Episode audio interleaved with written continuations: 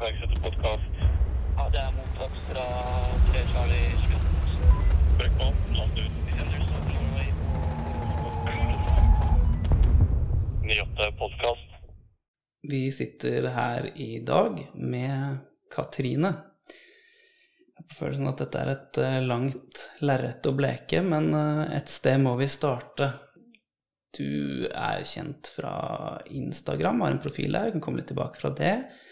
Du har eh, vært uh, førstegangstjeneste som alle oss andre, eller befalsskole, så vidt jeg har lest meg opp til. Um, hatt noen tjenesteår i Forsvaret etter det. Så har du studert litt, og det eh, studiet var vel også relevant for en videre karriere i, i Forsvaret, eh, bl.a. innsatsstyrke Derby i HV02. Eh, og så har du vært på en del eh, turer eh, ute i verden. Her er det flere land, men eh, Irak, Afghanistan, Mali, Syria Sikkert noe jeg har glemt, men det kan vi jo komme tilbake til. Velkommen hit. Tusen takk. Hyggelig at du ville stikke innom. Ja, takk for at jeg ble invitert. Vi starter som vanlig med ti kjappe. Første spørsmål er klassikeren luft, sjø eller hær? Hva Hær. fører Der kom kontant og fort. Det er hær. Ja. Ja. Eh, Farge på bæret, da? Jeg kan ikke si at eh, det er så veldig spennende, men hærbæreten Hva med TS? Har du noen store TS-er på samvittigheten? Mm, Nei, det har jeg faktisk ikke. Det har vært eh, bare vanlig PBU-småting som ikke er sånn kjempemye verdt. Orden på sysakene der også? Ja, det har jo vært noen teser, men eh, det har ikke vært noen dyre eh, og uoverkommelige saker. Ok. Mm. Ellers ut ifra bl.a. Instagram så kan vi jo se at du har vært eh, relativt mye ute i felt, og man må jo spise i felt også. Beste FR? Da jeg kom over kebabgryte, så syns jeg faktisk det var en helt ålreit person og litt annerledes enn uh, disse andre som var litt eh, kjedelige. Og spice opp den med litt uh, hot saus. Det funker som en, uh, et godt alternativ. Ja, jeg har Mhm. gode erfaringer med, med det selv. Noen andre matopplevelser fra felt som går utover disse frysetørrede rettene? Ja, det blir jo amerikanske MREs, da. Der har de jo tacolefser og um, skillingsboller og eh, skittles og mye annet eh, artig som ikke vi har. Selv om eh, måltidsmessig så slår den eh, norske arktiske versjonen eh, nesten alt som jeg har kommet over og prøvd av andre lands eh, eh, feltrasjoner, da. Gjør det, altså. Mm, Ja, okay. definitivt. Så vi skal sette pris på FR, altså. Ja, ja, selve middagsmåltidet er jo faktisk et eh, middagsmåltid, så det monner både i vanlig porsjon og Excel-størrelse for en, en eh, voksen kar eller eh, en jente. Så det er eh, ikke like bra, faktisk, mange av de internasjonale feltrasjonene. Det er betryggende å høre. Mm. Ellers så hender det jo man kommer seg inn i en leir eller camp, eller i litt mer siviliserte former. beste messe. Eh, Generelt vil jeg jo si at Luftforsvaret har bedre messer enn de fleste jeg har vært borti Heimevernet eller Hæren. Men eh, innenfor Hæren så Setermoen vil jeg si at jeg har en ganske bra messe. Ja. Mm. Og innenfor lufta, er det noen du vil trekke frem der? Mm, Rygge har jo stilt opp med ganske bra mat. Mm. Ellers temperaturer. Hva er eh, kaldeste opplevelse i felt? Eventuelt varmeste? Ja, varmeste er jo selvfølgelig i internasjonal sammenheng. eh, I, det har vel vært i Irak, eh, hvor du da så vidt det er bikker opp mot 50. Eh, kaldeste er I starten tenkte jeg selvsagt på Nord-Norge eller på Rena, men der er man på en måte forberedt på at det er kaldt, så da har jeg jo med meg det meste av klær som jeg behøver. Så jeg har hatt, men jeg har hatt et par ganske kalde netter i Irak også. Eh, Og det er på vinterstid. I ørkenen i Irak så er det faller temperaturen ganske langt ned, gjerne sånn mellom 0 og 5 grader på natten. Eh, Og når du da er vant til at det er f.eks. 25-30 grader på dagtid, og du har vært i en lang periode med over 40 grader, så er plutselig 0 grader veldig kaldt. Å ligge på en feltseng eh, i null grader og ikke ha med alle de klærne som du bruker å ha på en norsk vinterøvelse. Da blir det rimelig kaldt, så jeg har fryst meg gjennom et par netter på feltseng i irakisk ørken. Skjønner. Mm. Eh, Store kontraster, altså. Ja. Hva, hva, hva tenker du er verst? eh, Bitende kulde eller stekende varme? For meg så er det kulde. Jeg tåler ganske bra varme, og eh, produserer lite egen varme, tror jeg, spesielt hvis jeg sitter stille, eller ligger stille, så da foretrekker jeg heller eh, 40, over 40 i varmetemperatur enn eh, minus 20, faktisk. Det er mottatt. Hva med kjøretøy, eh, eventuelt eh, andre fartøyer? Hva er, det verste kjøretøyet du har litt kjørt rundt i, eller kjørt selv?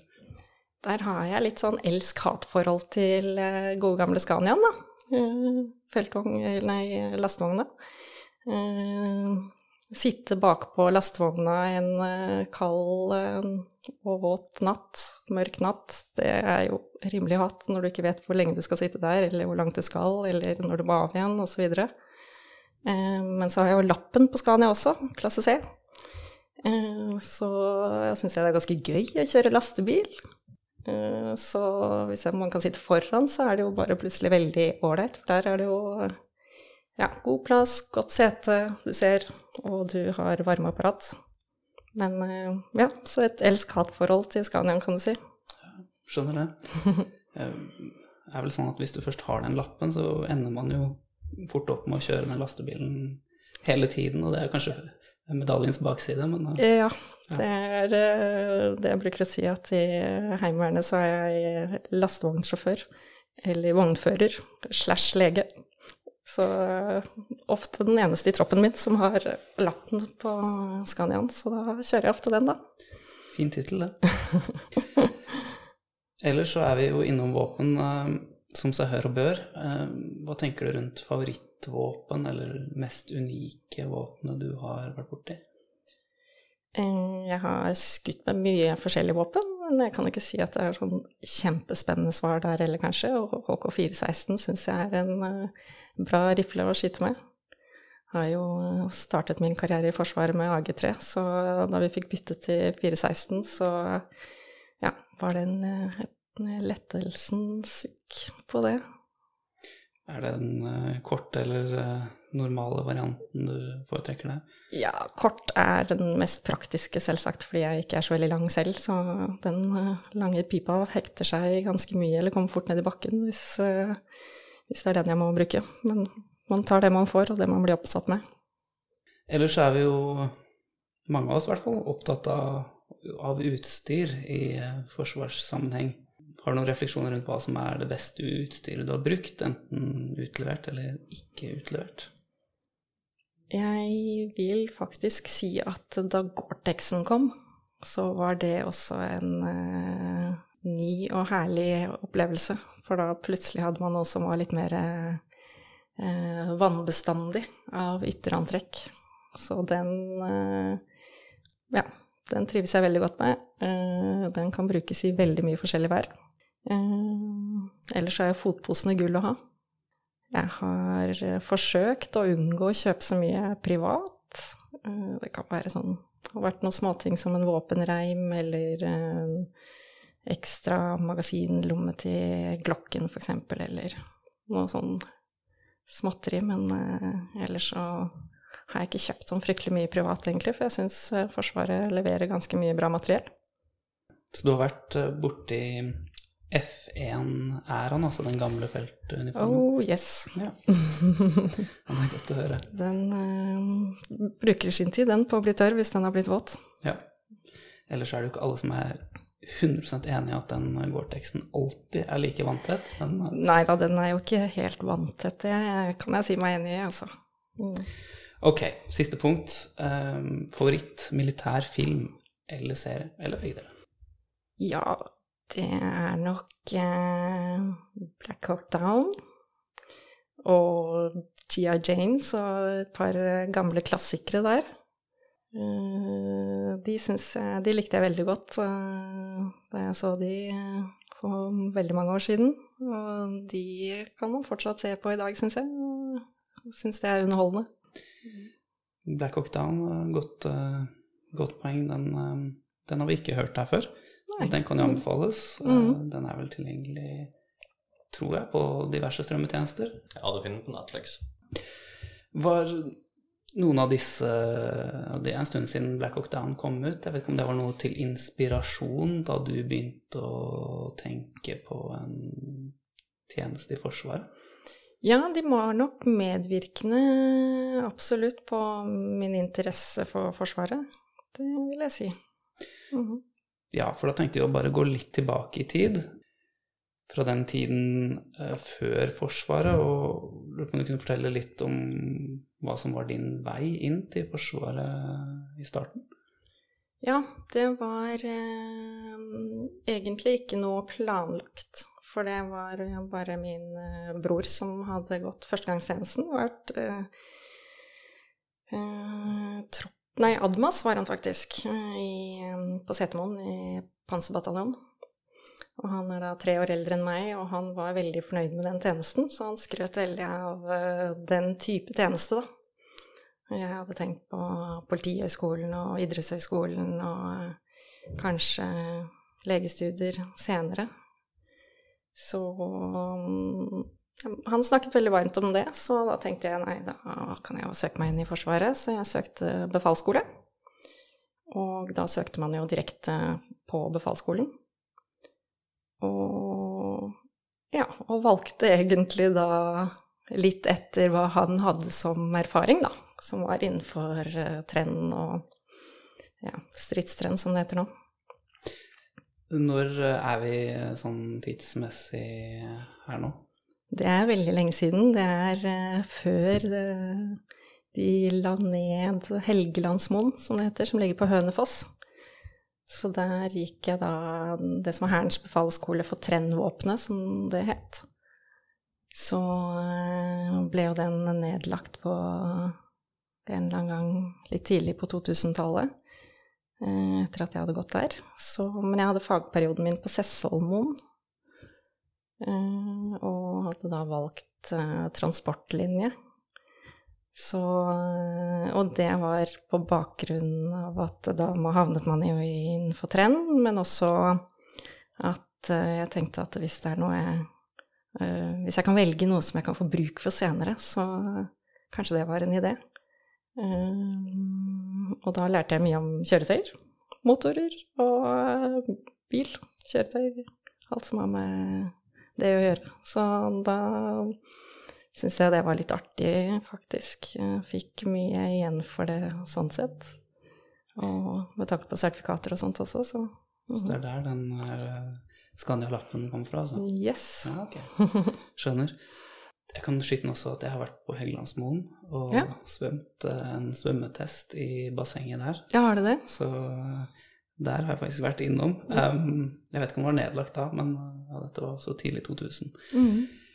Men um, apropos befalsskolen og sånn, hvordan, hvordan forberedte du deg til, til opptaket der?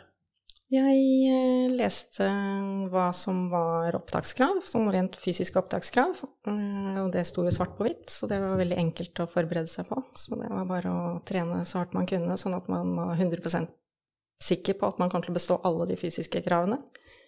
Så eh, når jeg var trygg på det, så eh, visste jeg ikke helt hva annet jeg kunne gjøre. Eh, Men jeg hadde også da trent karate i noen år, så jeg hadde fått litt sånn erfaring med disiplin.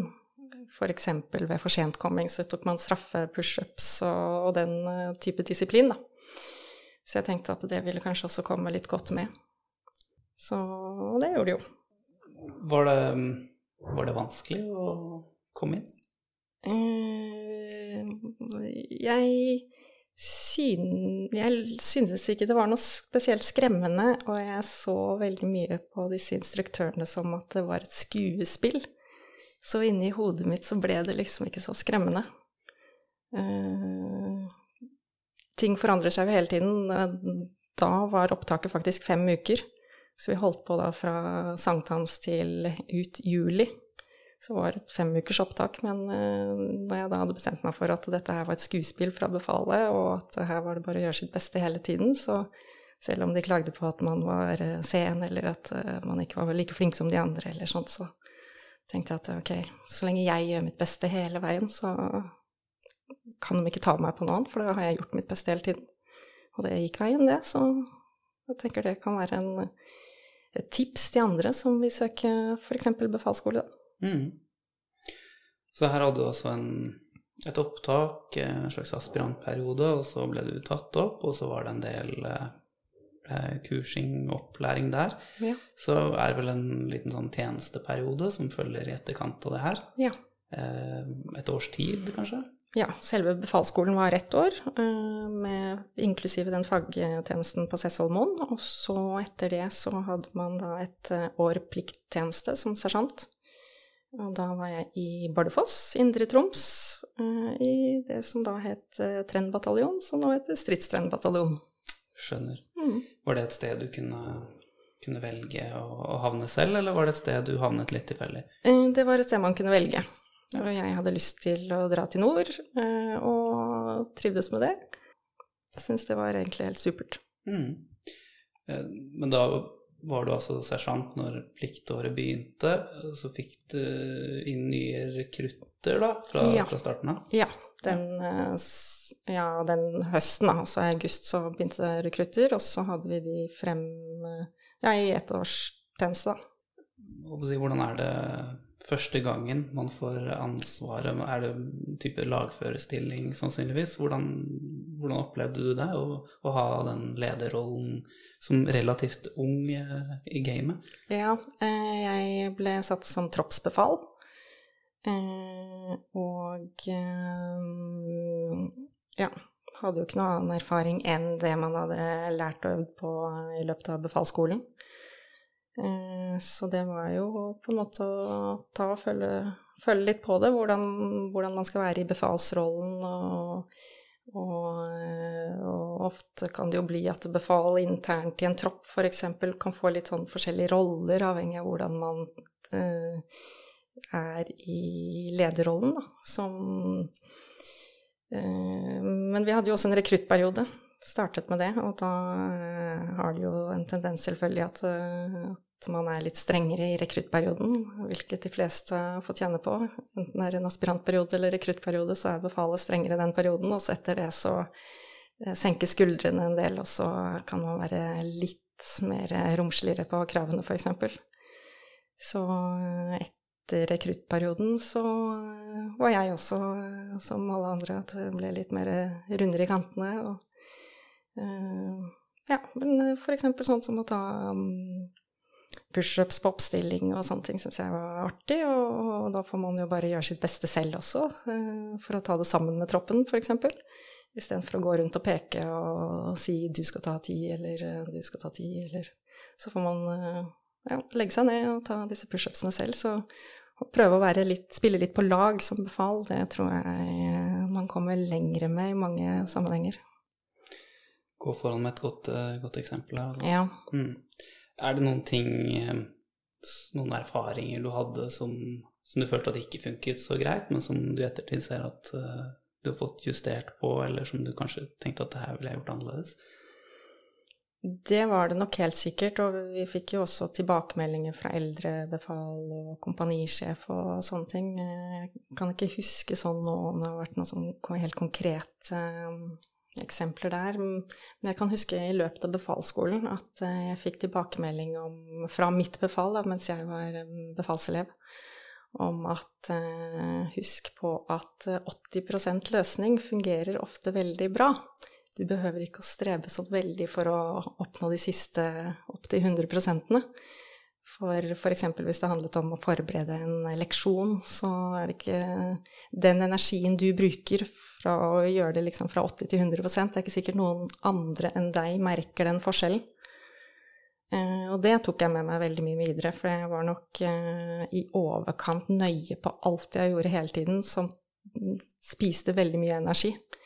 Og når jeg da liksom fikk den tilbakemeldingen, så var det nesten som en litt lettelse at jeg tenkte jøss, yes, ja, faktisk man kan komme veldig langt på å ikke eh, dra den hele veien ut hver eneste gang. Så eh, det tok jeg i hvert fall med meg, og fikk god nytte av det. Og både videre i forsvarssammenheng, men også i en sivil karriere. Ja, det syns jeg var et veldig, veldig godt tips. Der, de, de, koster veldig mye, de siste ja. 20 der, og Nettopp. ting funker sjelden i praksis på akkurat samme måte som du har planlagt det uansett. Ikke sant, så man må tilpasse det kanskje allikevel. Nettopp. Mm. Så er det greit å ikke ha lagt for mye ressurser ned i å få det helt perfekt fra starten av. Men det, man skal jo ikke si at man ikke skal forberede seg godt, men, eh, men kanskje ikke blankpolere det helt uh, maksimalt, da. Mm, absolutt. Um, for de som ikke kjenner til uh, denne stridstren-tjenesten, kan du bare fort, kort fortelle hva går det ut på? Eller hva gikk det ut på den, den gang? Ja, eh, jeg var i transportkompaniet. Så vi hadde da en tropp med krokløftkjøretøy. Eh, vi hadde lastvogn, egen tropp med lastvogner, vi hadde en beltevogntropp, og vi hadde tungtransporttropp. Så vårt kompani jo, hadde jo da ansvaret for å transportere veldig mye materiell eh, eller personell rundt omkring i hele Indre Troms. Eh, spesielt i øvingssammenheng, og det var vel sånn man også da ville gjort det i en operativ eh, setting. Så mm, ja, så det var egentlig det det gikk eh, mye ut på. Utrolig mye mm, transportoppdrag over hele Indre Troms. Man ble godt kjent, og man fikk møtt veldig mange forskjellige avdelinger. Jeg kjørte to ben sine mm, LTK Vinter, f.eks., opp på opp på vidda når de skulle ha øvelse, hentet de ned igjen når de var ferdig, eh, eller transporterte mellom forskjellige oppdrag.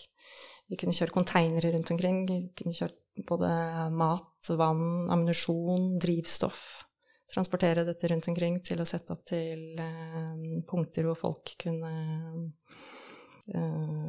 uh, få refuele, f.eks. Uh, så ja, det var en en tjeneste som gikk ut på å farte veldig mye rundt mellom alle avdelingene som er i det distriktet. Er det en avdeling som består sånn som den var i dag, vet du det? Det er nok ganske likt. Eh, nå kjenner jeg ikke helt oppsettet 100% men eh, det er nok ikke så langt unna. Og eh, man har jo fortsatt stridstrentropper som har ansvaret for forsyningene ut. Så det er nok ikke så langt unna sånn som det har vært tidligere. Så du fikk sett, eh, sett litt av Nord-Norge, altså? Ja, mye. Ja. Mm. Er det noen andre eksotiske blå lapper du kan skryte av enn du nevnte Scania-lappen? Er det noen andre spennende ting? Scania da vel å merke både lastevogn og krok-Scaniaen, da. Så uh, er det beltevogn. Ja. Naturligvis. Mm. Um, også selvfølgelig MB, da. Men uh, ja, det var vel kanskje det i hovedsak. Mm. Da kan man jo også nevne å sitte um, Det hørte jeg noen andre som snakket om, og kom på det ganske fort. At å sitte bak i en beltevogn på asfalt, det rister og skrangler noe innmari. Det er heller ikke behagelig. Ja, nei, det er jo en veldig bra sertifikat-CV. Det er langt flere enn en det jeg har, i hvert fall. Um, ja, da gikk um, det første året, altså tjenestetiden, mot slutten. Hva, hva, hva, tenkte du når, når det gikk mot dimmedato, da? Ja, da var jo kompanisjefen min veldig ivrig på at jeg skulle fortsette å ha en karriere i Forsvaret. Mens min plan var jo egentlig i utgangspunktet bare å gå befalsskolen og så få med meg noe lærdom derfra, og så over på sivile studier. Så, men han var jo fryktelig ivrig på det, så han um, mente jeg burde søke på krigsskolen. Og um, det gjorde jeg, og det som var på en måte som trakk opp litt da, da jeg skulle søke på krigsskolen, var at eh, da var jeg som sagt i Indre Troms. Og det her var i mai. Eh, og det var da akkurat den samme uken som Metallica skulle ha konsert på Valle Hovin. Og jeg var keen på å dra på den konserten. Så da betalte jo Forsvaret fly tur-retur til Oslo, og jeg hadde jo lønn mens jeg var en uke i Oslo, og fikk med meg den Metallica-konserten, faktisk. Og var jo da på opptak på KS Linderud også, da. Well played. Yes, så um, jeg fikk, eh, fikk med meg den konserten, det var jeg happy for selv. Og så det som på en måte ble en liten strek i regningen, var at jeg kom inn. Hadde du ikke Eh, regnet med det? i, altså, jeg hadde ikke egentlig tenkt så veldig mye videre etter den Metallica-konserten. Eh, For planen min var jo som sagt at jeg hadde egentlig tenkt å slutte. Eh, Så da måtte jeg jo eh, på en måte ja, Kompanisjefen da ble jo fryktelig skuffet for at jeg takket nei til den plassen på krigsskolen. Så eh, da fikk jeg tilbud om en stilling der oppe i nord. Et års engasjement. Det takket jeg også nei til, og endte med at jeg dro et år på Sessholmoen som instruktør, for da kunne jeg ta opp, eller ta, fysikk og kjemi som jeg ikke hadde fra før av, okay. på voksenopplæringen. Skjønner. Um, det her, var det et par ting å, å ta tak i. Um, først og fremst, uh, hvordan kom man inn på krigsskolen i utgangspunktet? Da så var det en ukes opptak. Nå husker jeg ikke om vi hadde noe greier på forhånd, det hadde vi sikkert. Noe som vi sendte inn sånn motivasjonsbrev, eller vet du hva, akkurat det husker jeg ikke hva vi sendte inn på forhånd. Men det var noe um, Jeg lurer på om vi sendte inn eh, Det var et eller annet greie vi skulle svare på på forhånd som vi sendte inn, som de også spurte om den uken vi var på. Som vi også da skulle svare på, som var da noen få måneder senere. Sammen, sammenlignet de vel sikkert svarene da, som han hadde gitt et par måneder før, og det som han sa, svarte den uken der. Og så var det en uke med masse forskjellige tester, og sånn samarbeidstester og gruppeoppgaver og eh, sånn forskjellige greier. Var det litt mer av den akademiske sorten, og ikke så mye fysisk? Ja, absolutt, bortsett fra vanlige fysiske tester da, med 3000 meter og sånt. Men eh, så var det, ja, det var liksom sånn her gruppeoppgaver gruppeoppgave man skal løse. Jeg husker vi drev og løp oppå eh, på plassen der med var vi liksom et lag, da, ikke sant, og så skulle vi binde armer og ben sammen, sånn at vi på en måte hadde bundet anklene sammen med den som du hadde på høyre og venstre side av deg selv, og så bandt håndleddene sammen med den du hadde på høyre og venstre side. Og så skulle vi løpe over plassen, så var liksom det en oppgave, f.eks. at vi fikk det som en oppgave, utlevert tau, og så skulle man løse det som en gruppe, og klare å løpe som en sånn samlet lag på den måten, eh, så og så langt over plassen. Eh, og så sto de og så da, ikke sant, på hvem som tok ledelsen, og hvem som fikk gjennomslag for sine forslag, og hvordan man skulle løse oppgaven, og så, og så videre, da. Eh, hvem som kanskje alltid føyde seg, eller jeg vet da søren hva jeg alltid uh, syntes var interessant å se på. Men det eksempel var en oppgave som jeg husker eh, av de oppgavene jeg hadde, da. Ja, Mm. spennende. Og det gikk tydeligvis uh, greit, det, med å, med å komme inn der. Jeg vet ikke, I dag så er det vel sånn at du kan søke deg direkte inn på, Ja. på krigsskolen, men, eh, men før så måtte man vel ha en eller annen bakgrunn eh, i forkant? eh, ja, jeg mener at du måtte da ha befalsskole fra, i utgangspunktet, eh, før man da kunne søke KS, da. Mm. Og vi har vært inne på det her i tidligere episode, men man får gjerne en sånn TU eller tjenesteuttalelse etter for så vidt førstegangstjenesten og befalsskolen, for så vidt. Um, hadde det noe betydning for, for din del? Det vil jeg jo tro. Det var sikkert noe vi også sendte inn på forkant når man søkte, vil jeg anta. Eh, og hvorvidt eh, Ja, påtegning sikkert da fra sjef på den tjenesteuttalelsen. Så mm. Jeg tenker Det kan jo være verdt å, å nevne for de som, som lytter, at eh, man har jo en slags militær eh, CV da, som man opparbeider seg gjennom eh, årene man er i tjeneste. og det kan være greit å ha i bakhodet at eh, det kan jo åpne litt dører hvis man har en god tjenesteuttalelse eller to.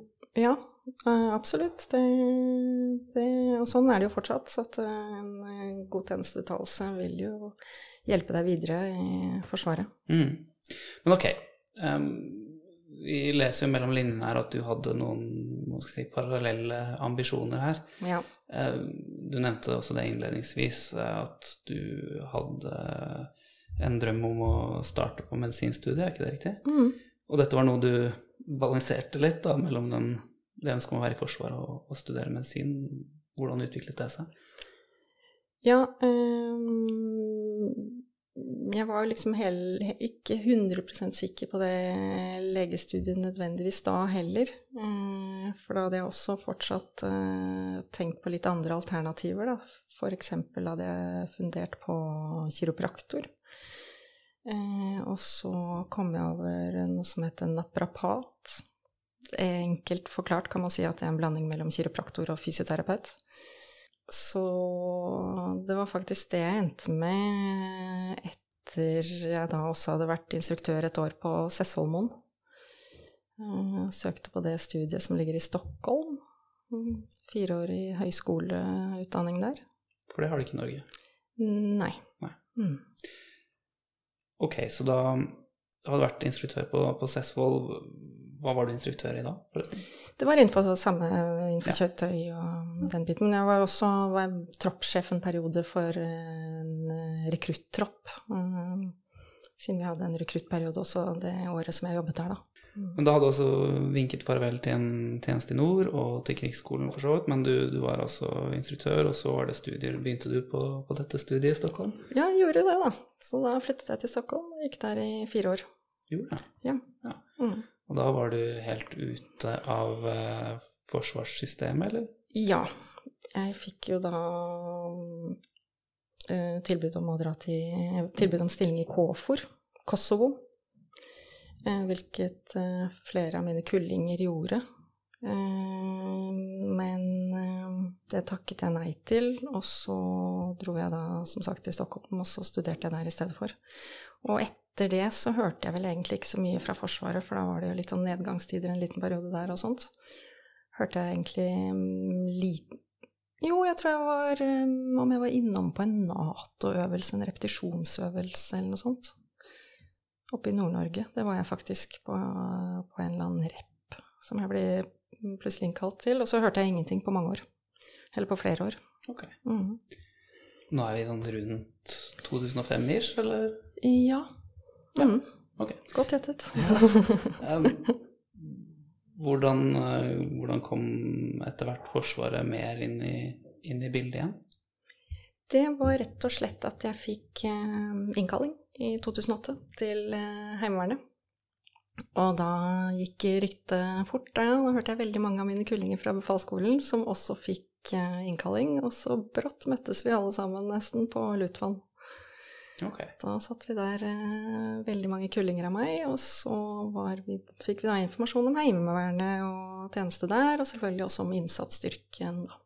Så det er da eh, HV02-distriktet. Ja. Um, og, og var det veldig få av de du hadde gått på fagskole med, som hadde fortsatt uh, i Forsvaret, eller hvordan var det?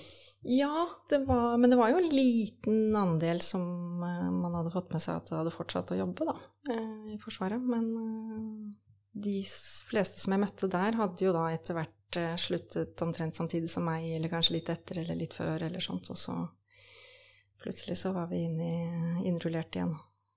Og så skjønner jeg jo at du ble lokket inn i, inn i innsatsstyrken. Hvordan foregikk det? Jo, det var egentlig fordi at da mm, samme år, altså 2008, så begynte jeg på medisinstudiet, for da hadde jeg jo da til slutt bestemt meg for at det var jo det jeg egentlig skulle gå. Så da hadde jeg fått i mellomtiden både jobbet litt som naprapat eh, og tatt opp litt fag, eh, forbedret noen karakterer, og så kommet inn på medisinstudiet i Oslo. Så da um, sa jeg med en gang til Heimevernet, nå, til Heimevernet at nå har jeg eh, begynt på medisinstudiet, så nå er det helt uaktuelt for meg å drive med noe trend videre, men eh, jeg kan gå inn i saniteten. Eller jeg ønsker det.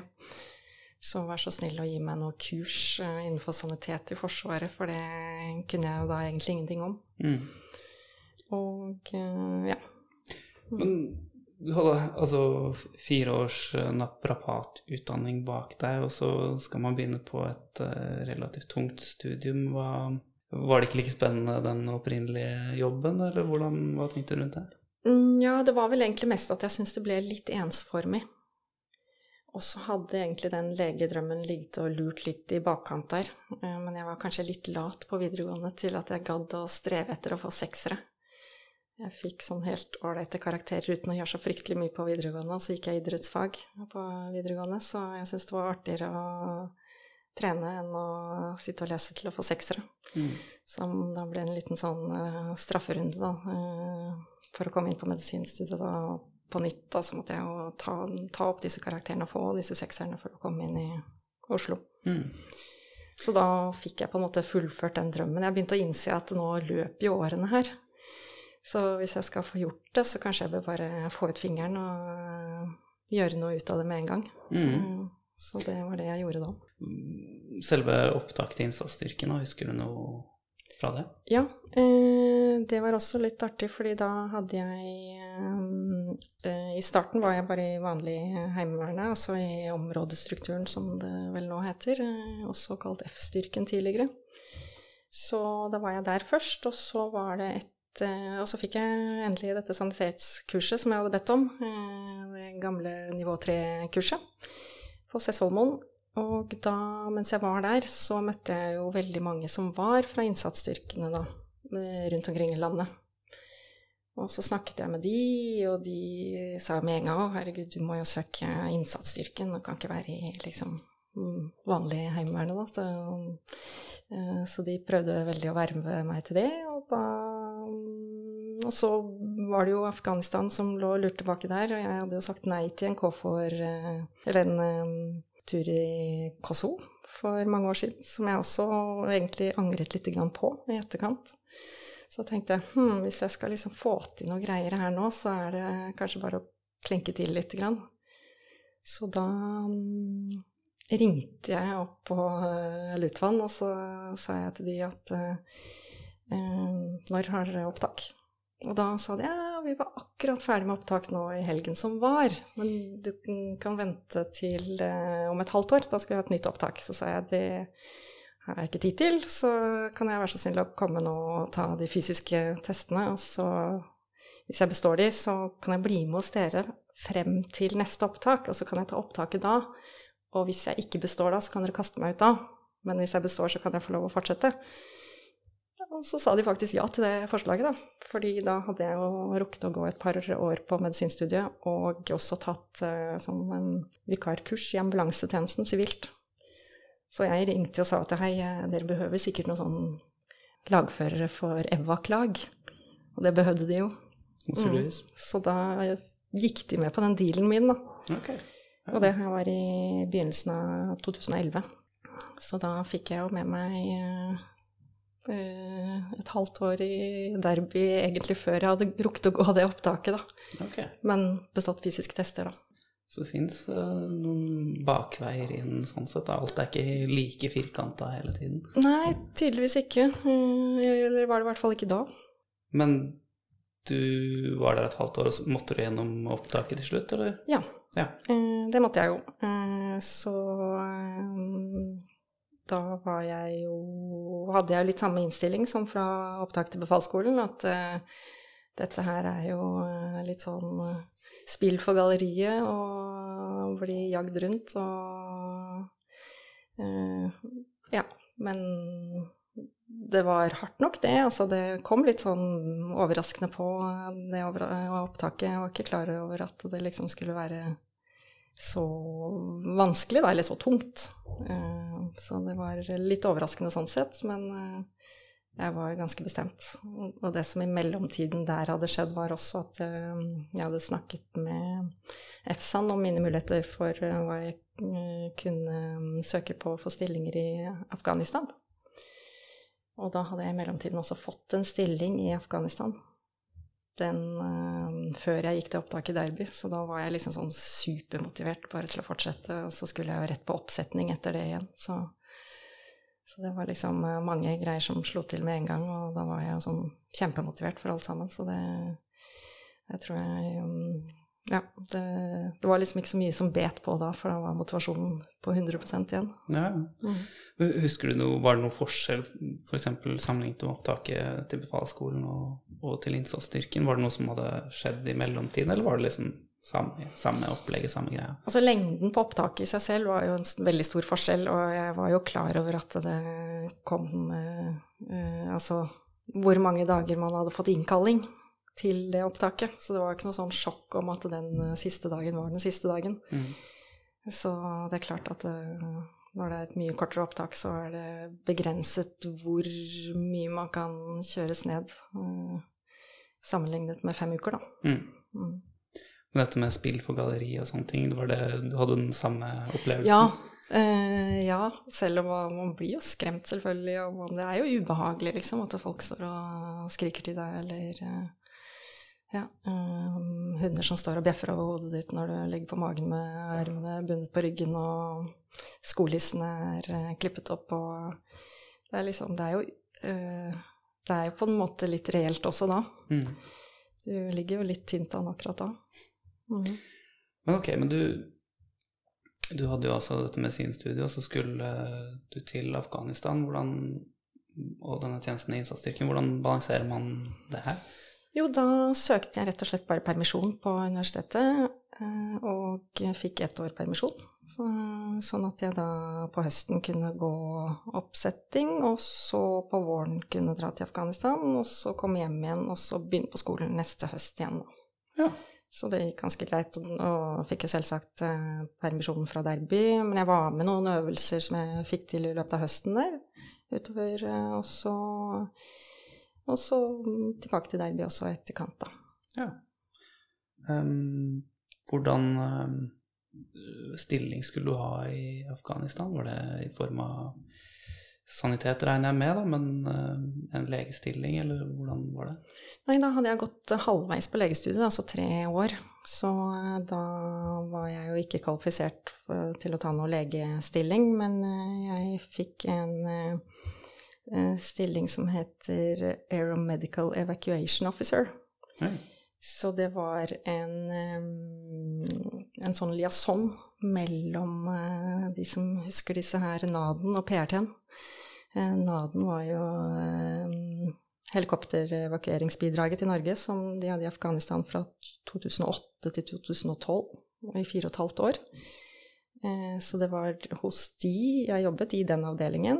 Eh, Og PRT-en var jo satt opp av rullerende hærstyrker.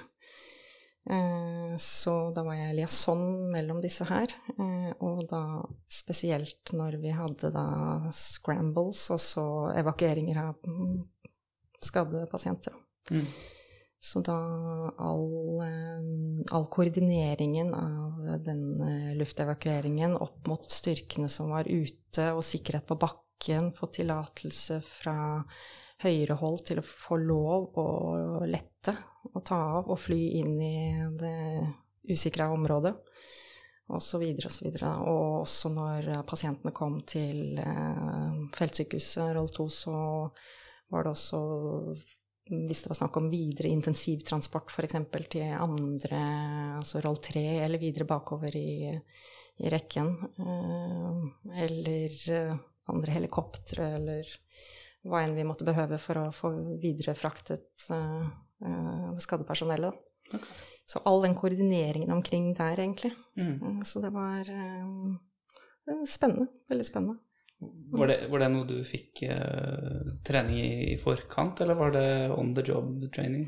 Nei, jeg fikk, eh, fikk trent eh, litt på det faktisk på oppsettingen, og vi hadde vel også, var det en eh, 14 dagers øvelse farjab, eh, kalte de den, hvor vi da trente egentlig ganske likt sånn som det ble, bortsett fra at vi var selvfølgelig altså på Setermoen, da, så det var jo eh, annerledes klima og så videre, men, eh, men sånn den praktiske biten der eh, Vi var veldig fornøyd med den øvelsen, eh, og da samhandlet vi med de hærstyrkene som skulle ut også. Så vi var kjempefornøyd med den øvelsen i etterkant, for det ble gjort så likt som de klarte å få det, da. Og det føltes sånn også i ettertid at det var ganske relevant? Ja, definitivt. Så der hadde de truffet bra på den øvelsen. Eh, Pluss annen oppsetning og annen trening også, selvfølgelig, i tillegg til den eh, siste ja, kall det sertifiseringsøvelse, eller ja. Hvordan var uh, hodet, holdt jeg på å si, eller mentaliteten i forkant av turen til Afghanistan, og for så vidt den første tiden også? Var det, følte du deg trygg på å dra ut? Var det litt spenning knyttet til det her? Hvordan, hvordan tenkte du rundt det? Ja, det hadde jo selvfølgelig vært veldig mange hendelser eh, de siste årene som jeg som mer eller mindre hadde fått med meg. Så jeg var jo sikker Eller jeg var jo Jeg hadde jo fått nok informasjon i forkant, synes jeg, til at jeg var klar over at det var et sånn semi-sikkert, eh, usikkert område. Eh, men den biten er man jo forberedt på, på en måte. Så enten så sier man jo ja til å dra til det, og så, ta, og så er det en del av jobben, eller så må man eh, la være å dra, da. Hvordan var det å komme ned dit? Det var eh, Altså, da kom, ankom jeg på vinterstid, så da var jeg litt overrasket over at det var snø på bakken på natten. Eh, Så klimaet var jo egentlig ganske annerledes enn hva jeg trodde. Jeg var glad jeg hadde med meg 600 gramsen, for eksempel, for den, eh, og lue, og det kom godt med. Eh, Så sånn klimamessig så var det litt overraskende. Eh, Selv om man har hørt det, så du ser det liksom ikke helt for deg at det er snø der. Utover det så, så var det vel egentlig sånn som jeg hadde fått informasjon om. Jeg syns vi fikk ganske god informasjon på forhånd. Så, så det var liksom ikke noe sånn veldig sjokkerende opplevelse, egentlig. Det var det ikke. Var du eh, fornøyd med opphold, holdt jeg på å si? Eh, Noen spesielle ting som skjedde, noe du har lyst til å trekke fram fra den tiden? Ja, altså vi hadde altså Allerede i Hoton så hadde vi en eh, Vi får litt grann, eh, pepper innimellom for ikke å forklare forkortelser. Kan Ja. du kort eh, forklare Handover takeover. Det er et eh, eh, program som man kjører når man drar internasjonal tjeneste. Og da er det de som har den stillingen som du skal arve, deres ansvar for å, å lære den som kommer, da. Alt den Alt av praktiske ting og hvordan man skal gjøre, hvem man skal snakke med osv. Eller alt hva som er nyttig å vite for at du skal arve den stillingen til vedkommende, da. Så da er det eh, egentlig én til én eh, fra den ene til nestemann. Så man snakker sammen én til én. Eh, og så det, kan det også være på avdelingsnivå, selvfølgelig. Mm. Så Hoton. Eh, I Hoton så fikk vi faktisk en, eh, et norsk kjøretøy som kjørte på en IED. Så da smalt jo allerede da, så skjønte jeg at det her var jo ikke et uh, halvår som kom til å bli sånn fryktelig mye roligere nødvendigvis. Selv om uh, vi hadde fått indikasjoner på at nå liksom skulle det Antok man at det skulle roe seg litt ned, og Norge skulle trekke seg ut av Faryab. Eh, Så det startet jo med det. Og så, og så hadde vi egentlig ganske mye scrambles i løpet av det. Scramble er altså da også når alarmen går. Så da durer det og piper høyt til den uh, ikommen som uh, vi hadde på oss. Og da ha- hadde vårt helikopter da uh, Skal vi se, var det Nå husker jeg ikke helt i farten, da, men altså vi hadde Jeg tror det var 15 minutter på dagtid fra scramblen gikk til helikopteret skulle være i lufta.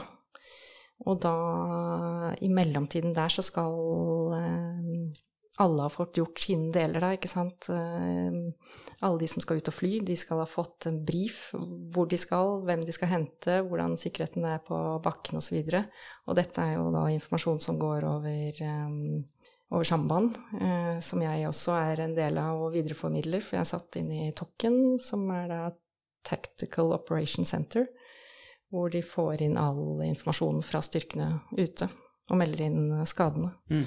Så i mellomtiden der eh, var det om å få inn mest informasjon, få flytillatelse og scramble også eh, feltsykehuset, sånn at de kunne begynne å gjøre seg klar. Og så, eh, ja, så bare løper tiden av gårde, og plutselig er det gått 15 minutter, og da er helikopteret i lufta. Og da, Så alle har veldig, hadde veldig spesifikke oppgaver i løpet av de 15 minuttene. Mm. Og den scramblen kunne jo gå mens du sto i dusjen, eller eh, var og trente, eller satt og så en film eller spiste, eller hva, hva, man, hva enn man drev med, eller om man drev med noe operativt eller annet. Så da var det bare å slippe alt du hadde i, øh, og drev med, og så løpe av gårde og gjøre den jobben man skulle. Så det gikk Hele den våren så gikk det en del sånne scrambles mm, jevnt og trutt. Ikke nødvendigvis alltid norske styrker var snakk om, men andre allierte styrker også. Så det ble en sånn relativt hektisk vår.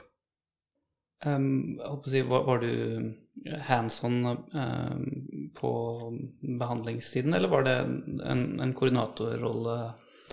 Nei, som sagt, da hadde jeg jo ikke noe um, formell legeutdanning, så jeg hadde, og jeg var heller ikke noe annet helsepersonell fra før av, sånn sett, sånn at jeg hadde ikke noe hands on behandling uh, direkte, men uh, uh, i hovedsak denne koordineringsrollen. Men jeg var ofte i, inne på feltsykehuset, eller eller var faktisk på helipaden og tok imot pasientene når de kom der, og ble med derfra opp mot Eh, opp mot feltsykehuset, eller ventet inn på feltsykehuset når eh, den skadde kom inn der, sånn at eh, vi kunne få raskest mulig informasjonsflyt internt for å vite den, hvor mye det hastet for å få flydd vedkommende videre, da. Eller om det var, hvis det var flere, ikke sant. Hvor mange er det, hvor hardt skadde er de? Mm. Kan vi ta vare på noen her, må vi sende noen av gårde? Eh, så Og så ved behov støtte med sånne praktiske ting når man driver og tar imot og løfter over og flytter fra båre til eh, benk og så videre og sånne ting, da. Så, eh, men ikke sånn direkte behandlingsansvar selv, nei. Kanskje litt feil ord å, å bruke, men ga det mersmak for, for den type ting? Ja, jeg tenkte i hvert fall at, eh, at eh, dette er noe man At jeg også skulle klare å jobbe med det her ved en senere anledning. Så, eh, så sånn sett så var det Jeg ble ikke skremt av den type arbeid, da snarere tvert imot. Mm. Du nevnte en spesifikk hendelse med en norsk soldat og en IED. Husker du hvordan det gikk? Ja, de overlevde, alle de som var i det kjøretøyet. Men de var ganske forslåtte vondt i hodet og rumpa. Eh, skalla i taket og slått, eh, blitt slått underfra. Så, eh, og litt sånn annet som medfølger omkring det. Men sånn utover det så klarte de seg egentlig sånn tålelig bra. Jeg regner med at dere hadde en slags vaktordning med litt sånn av og på gjennom døgnet. Hvordan, hvordan så, så, tjenesten ut på en hva skal si, gjennomsnittlig dag den gangen? Ja, altså den eh, eneste vaktordningen av og på vi hadde, var at du gikk på når du var i Afghanistan, og så gikk du av når du dro hjem til Norge. Så vi hadde ikke noe tid av vakt mens vi var der. Eh, fordi at vi var bare eh, akkurat nok til å fylle alle stillingene. Så vi hadde ikke noe, noen som var to i hver enkelt stilling. Så derfor var alle kan du si, på vakt hele tiden. Det var ganske stress. Jeg husker De tre første ukene så syntes jeg det var sykt stressende, fordi jeg visste at eh, med en gang en scramble gikk, så måtte du bare løpe, og det var til alle døgnets tider. Og det skjedde jo også, da. Det skjedde jo på nattestid, og det skjedde på dag, og når som helst. Så, mm, men etter hvert så kom jeg på at det er egentlig bare Man må bare lære seg å leve med det. Mm. Så man må bare klare å slappe av når du kan slappe av, og så jobbe når det bjella går. Mm. Mm. Så det var Noe som jeg lærte veldig fort, var f.eks. hvis jeg skulle dusje, så var det bare å Du måtte ha med deg det du behøvde for å kunne løpe av gårde og gjøre en jobb. Så ikke lås våpenet inn i skapet, eller eh, glemme igjen eh, whatever du behøvde for å ha på deg for å kunne dra og gjøre jobben din. da. Så man måtte liksom ha med seg det man behøvde til enhver tid. Det hørtes jo ganske hektisk ut. Ja, men det er jo noe som jeg også har fått igjen for senere, da. For det er jo sånn det er f.eks. å jobbe i ambulansetjenesten også. Der den, når du da Men der er man jo selvfølgelig av vakt når man er hjemme. Så sånn sett så er det annerledes. For i Afghanistan så var vi på vakt altså 24-7 mens vi var der det var mulig å skvise inn en, en treningsøkt og ja, ja, ja, så lenge det ikke skjedde noe, eller vi hadde noe annet program, eller skulle øve på noe uh, Medevac f.eks. sammen med noen andre nasjoner og sånt, så, sånne ting som vi drev med litt innimellom og, og sånne ting, eller annet type planleggingsarbeid, eller at uh, Det var jo TIC, altså Troops in Contact, eh, relativt ofte også. Da måtte jeg jo inn og liksom sondere terrenget og legge planer sammen med Gjøre liaison-arbeidet, kan du si. Så da, men så lenge man ikke var opptatt med alle disse andre tingene, så kunne man gjøre det som man ville. Trene, sove, spise, ligge på sofaen og se en film. Vi har jo snakket om det her en del ganger tidligere, men um, har du noen erfaringer med uh, andre lands uh, soldater? Var du noe i kontakt med utenlandske avdelinger? Ja, eh, eksempel latviere var det jo i um, Meimane da jeg var der. De var jo store som hus og var kanskje ikke like gode på eh, personlig hygiene som nordmennene var. Så kunne ofte nesten lukte at de kom før du så dem. Eh, spesielt i mørket, f.eks., og passerte en. Det var jo um, lysdisiplin, så det var jo alt var blendet på kveldstid. Så da hadde du bare en hodelykt som du brukte rødt lys, og så lyste du litt foran deg i grusen når du gikk forover. Så det kunne nesten lukte latvierne, faktisk, hvis du passerte en. Så bare ja, det var en latvier. For du så ingenting, det var bekmørkt. Uff da. det er kanskje litt ufint å si, men eh, det var sant. Ja. Det er forhåpentligvis ikke så mange latviere som, som hører eller forstår det her. Hvor, hvor lenge ble oppholdet i Afghanistan? Det skulle i utgangspunktet være fire måneder pluss en livavløserperiode på 14 dager. Eh, men så var det noe tull med hoton, da, altså mm, den perioden man skulle overlappe, mm, da jeg skulle ned. Så da ble jeg spurt om jeg kunne reise en uke tidligere. Det kunne jeg. Eh, og så når jeg skulle hjem igjen, så begynte jeg å titte, og så ringte jeg han nestemann bare jeg fikk det ikke helt til å stemme med datoer og sånt. Og så viste det seg at istedenfor at vi hadde to uker med overlapping, så hadde vi tre uker glippe mellom oss.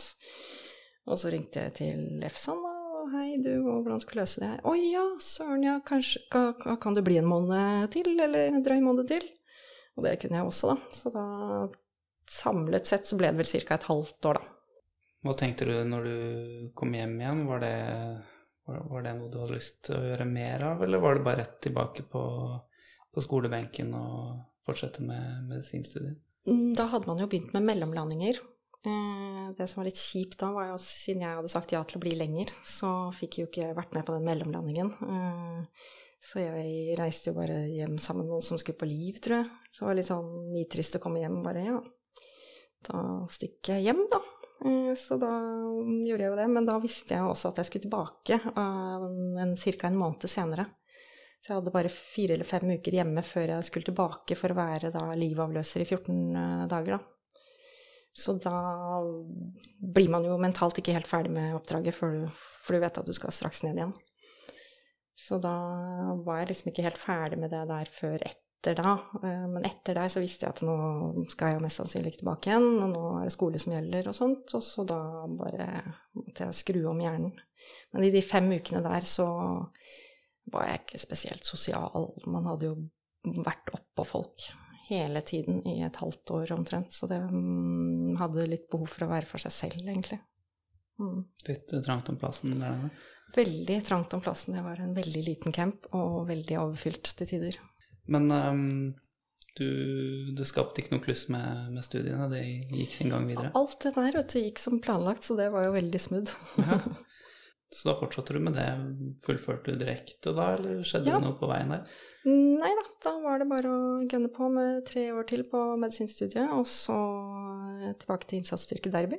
Og så jobbet jeg jo fortsatt litt i ambulansetjenesten på si, og så jobbet jeg litt som naprapat sånn innimellom når noen spurte om jeg kunne være vikar eh, hvis jeg hadde skolefri, f.eks., juleferie og påskeferie og litt sånt. Og så rullet egentlig bare de tre neste årene fort av gårde. Så du er, du er ei altså som må ha noe å gjøre hele tida? Det har ikke vært så mye dødtid, eh, men jeg har kanskje begynt å bli, sette litt mer pris på litt roligere perioder nå, da. Mm. Eh, men det var mange år der som det bare alt gikk i ett hele tiden, og jeg trivdes med det, da. Men nå etter hvert så har jeg begynt å kjenne litt på at det, det, kan være godt å ha litt fri og ikke gjøre noen ting også.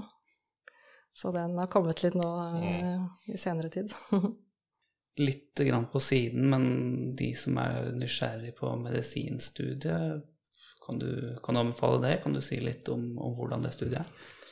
Det som er litt eh, artig, er at jeg har fått veldig mange spørsmål omkring det her, eh, hvordan jeg har kommet dit jeg er i dag, i og med at de liksom ser kombinasjonen lege, forsvaret og utenlandstjeneste og sånne ting. Så da har jeg fått en hel del henvendelser omkring det her, og da har jeg forklart det. Gått befalsskole, og så ja, legestudie, og så etter hvert da inn i innsatsstyrke. Fått kombinert det der, og dermed også blitt eh, internasjonal tjeneste i dragsuget etter der. Så absolutt, hvis man eh, eh, kunne tenke seg en sånn type tjeneste, så eh, bare gå for det vanskelighetsgrad på studiet? Er det, er det overkommelig, eller er det like ille som man uh, hører? Jeg vil nesten si at det er verre å komme inn enn å fullføre. I hvert fall i Oslo syns jeg det var Det tyngste var egentlig å komme inn. Og så når jeg først kom inn, da var man jo på en måte veldig motivert for det, da. Så det er klart det er mange år å lese, gå seks år eh, studier. Jeg hadde jo studert noen år før også, så det var liksom eh, følte meg litt som en evig student der en lang periode, men uh, derfor også så deilig med det avbrekket. Ta en, hva kan man si, litt skoleferie og dra til Afghanistan. Det var veldig godt med det avbrekket der. Så var det jo innsatsstyrken, som sagt, parallelt ja. med studiene. Hvordan, mm. hvordan, er overføringsverdiene mellom å være i en sanitetstropp i, i innsatsstyrken f.eks., og holdt på å si studere medisin, eller etter hvert også da praktisere legeyrket? Er det mm. noen eh, overføringer her? Ja, eh, i hvert fall så så jeg jo veldig god nytte av de sanitetskursene. For etter hvert så fikk jeg jo flere sanitetskurs og mer sanitetserfaring i Forsvaret eh, som jeg kunne ha nytte av sivilt. Eh, og vice versa, etter hvert som jeg da fikk eh, legelisens, så kunne jeg også begynne å jobbe som lege i innsatsstyrken. Eh, så da fikk jeg jo litt eh, praktisk legeerfaring eh, veldig fort i innsatsstyrken. Parallelt med at jeg da var helt på slutten av medisinstudiet, da. For da har man fått sånn midlertidig legelisens. Så mm, det egentlig slo begge veier. Jeg syns det var en fordel det ene mot det andre og for hverandre, så det var bra. Og hva er det man gjør uh, i en sanitetstropp i innsatsstyrken? Det er jo variert, uh, naturligvis, men uh, hva, hva, er liksom hovedoppgavene?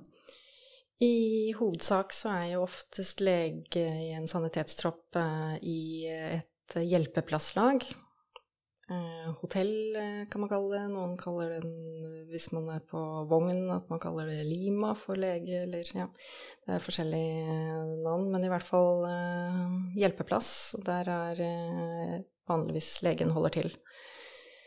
Og da har man jo evakueringslag, som er de militære ambulansene, som står for altså frakt av personell, skadd personell, syk, sårede til hjelpeplassen, og så blir på en måte um, behandlingen på hjelpeplassen en sånn mellomlanding før man transporterer videre. Det kan være en stabilisering, f.eks., eller hvis det er enklere, mindre ting, så kan man behandle og så sende vedkommende tilbake i tjeneste. Så f.eks. på en øvelse så øver man jo selvfølgelig på alt mulig eh, type skader man kan komme borti i forsvarssammenheng, men det er jo også alltid en del reelle ting som skjer på en øvelse. Alltid noen som skader seg og kutter seg og lurer på om de har brukket noen ben, eller det kan være eh, sykdom som oppstår og sånt. Og da tar man også de tingene innimellom, så. Så da får man jo litt erfaring med det å være lege i feltet allerede ganske fort, da. Men eh, er det noe grønntjeneste oppi, oppi det her, da? Ja, det er det. Og, men det er jo også sikkert avhengig av hva slags eh, sanitetstropp man er i. Og, men i en innsatsstyrke i Heimevernet så er man jo selvfølgelig ikke så ofte inne og trener som en eh, fulltidsavdeling er. Så, men eh, det legges like mye vekt på at man da skal trene de grønne ferdighetene, kan du si, som sanitetstjeneste, da. Så det er vel kanskje litt sånn fifty-fifty. Så hvis resten av styrken eh, har skytetrening f.eks., så har vi også det. Så litt sånn eh, studier og avkobling med eh, praktisering i, i tjenesten. Du ble etter hvert ferdig med studiene. Hva, hva tenkte du da? Mm, da tenkte jeg at eh, jeg gjerne kunne tenke meg å reise i utenlandstjeneste igjen. Eh, Hvordan går man fra ord til handling, eller tanke til handling der? Mm, det er jo f.eks. bare det å være i en innsatsstyrke gjør jo at du mm, opprettholder en viss kommunikasjon og dialog med Forsvaret. Eh, via kurs, f.eks., og, og via den tjenesten som man er inne der. Pluss at man da også har sikkerhetsklareringen, f.eks., eh, current. Så da er det jo også litt lettere hvis det skulle dukke opp noe, at man kan eh, mm, undersøke om det finnes noe ledig stilling. Mangler de noen leger f.eks.? Eh, men det som skjedde, var at da, etter at jeg hadde vært i Afghanistan, så begynte jeg å få ganske mye sånn henvendelser eh, fra EFSAN i hovedsak, da. Eh, hvor de liksom lurte på når blir du ferdig på legestudiet, sånn at vi kan bruke deg i internasjonal tjeneste som lege. For da hadde jeg jo befalsskolebakgrunn og internasjonal tjenesteerfaring og var fortsatt i innsatsstyrken i Heimevernet. Så jeg var liksom litt sånn plug and play, tenkte de da. Eller sa de til meg. Så da begynte jeg etter hvert å få ganske mye telefoner, og da var vi jo i 2015. Så da begynte jeg å få spørsmål om Irak, for da dro jo plutselig noen norske styrker dit. Og så fikk jeg spørsmål om Kabul der en liten periode, og så var det spørsmål om Irak igjen, og så litt sånn, men um, da begynte jeg på det som man kaller turnustjeneste, som er ett og et halvt år Det første ett og et halvt året etter at du er ferdig på legestudiet, som du er i sånn praktisk, jobber praktisk som en lege. Det er en obligatorisk greie. Yes, sånn 18 måneders obligatorisk opplegg, da. Mm. Eh, og så fikk jeg jo disse spørsmålene her, så jeg var egentlig innmari keen på å si ja, men det passet så veldig dårlig, for det, jeg burde egentlig bli ferdig med den turnustjenesten også. Så det var ikke mulig å kombinere turnus med å gjøre turnusen i Forsvaret? Mm, nei. Nei. Dessverre. Hvis ikke så hadde jeg gjort det. Mm. Så, men da så takket jeg nei til de telefonene jeg fikk i den perioden der, og så fullførte jeg den uh, turnustjenesten. Uh, men det var også da jeg begynte å sjekke ut mulighetene for å jobbe som sivil lege utenlands, da. Uh, fordi da kunne man dra på veldig korte oppdrag. Og det kunne jeg jo da f.eks. gjøre hvis jeg hadde skoleferie. Eller eh, ikke skoleferie men etter jeg var ferdig på legestudiet, men sommerferie, mener jeg. Eller juleferie eller påskeferie eller sånne ting, da. Så da mm, Det var liksom da jeg begynte å få øynene opp for å kunne dra ut som sivillege også, da. Ok.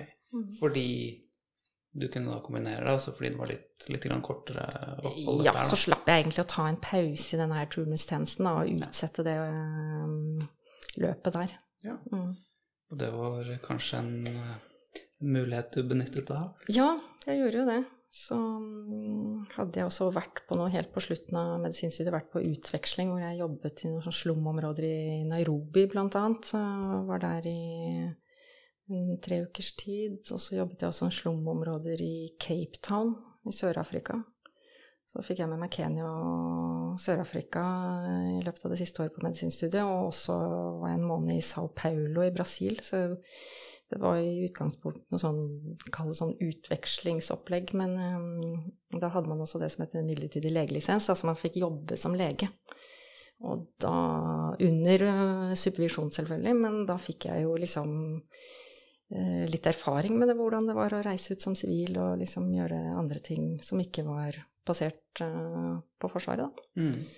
Og dermed så kunne jeg jo begynne å undersøke litt muligheter og sånn selv. Hvordan, um, hva du tenker om sikkerhetsbildet da, når du reiser på privat sammenheng da? Eh, om det er Kenya, Sør-Afrika eller eh, Brasil, men for så vidt også Midtøsten? Det er jo mm, to forskjellige verdener, så når man drar som sivil eller privatperson, så er det jo ingen som tar ansvaret for din sikkerhet. Så det er jo Jeg var borti noen sånn ganske ubehagelige opplevelser, bl.a. i slummen i Nairobi i Kenya. Eh, som vi var veldig nære på å bli kidnappa, rett og slett. Så, så totalt omringet og satt midt inne i slummen der inni en bil og klarte å unngå å bli røsket ut av den bilen. Og, ja. Så litt sånne ting. Og når jeg var i Sao Paulo også der, eh, så kom det en sånn fyr som skulle være fadder for meg, da, som gikk på universitetet. Han bare ja, bare vær litt forsiktig, for han forrige som jeg var fadder for, han hadde blitt rana og fratatt både penger og mobil og alt, så kanskje ikke jogge ute på kvelden liksom sånn når det er blitt mørkt. Gjør det mens det er lyst, det bruker å gå bra, liksom. Så, så det er liksom Det er to forskjellige verdener, akkurat det der. Altså, Forsvaret er noe Har jo liksom Det er en paraply som mm. er noe annet. Pluss at man er bevæpnet. Det er man ikke når man er sivil. Eller jeg har ikke vært det som sivil, i hvert fall.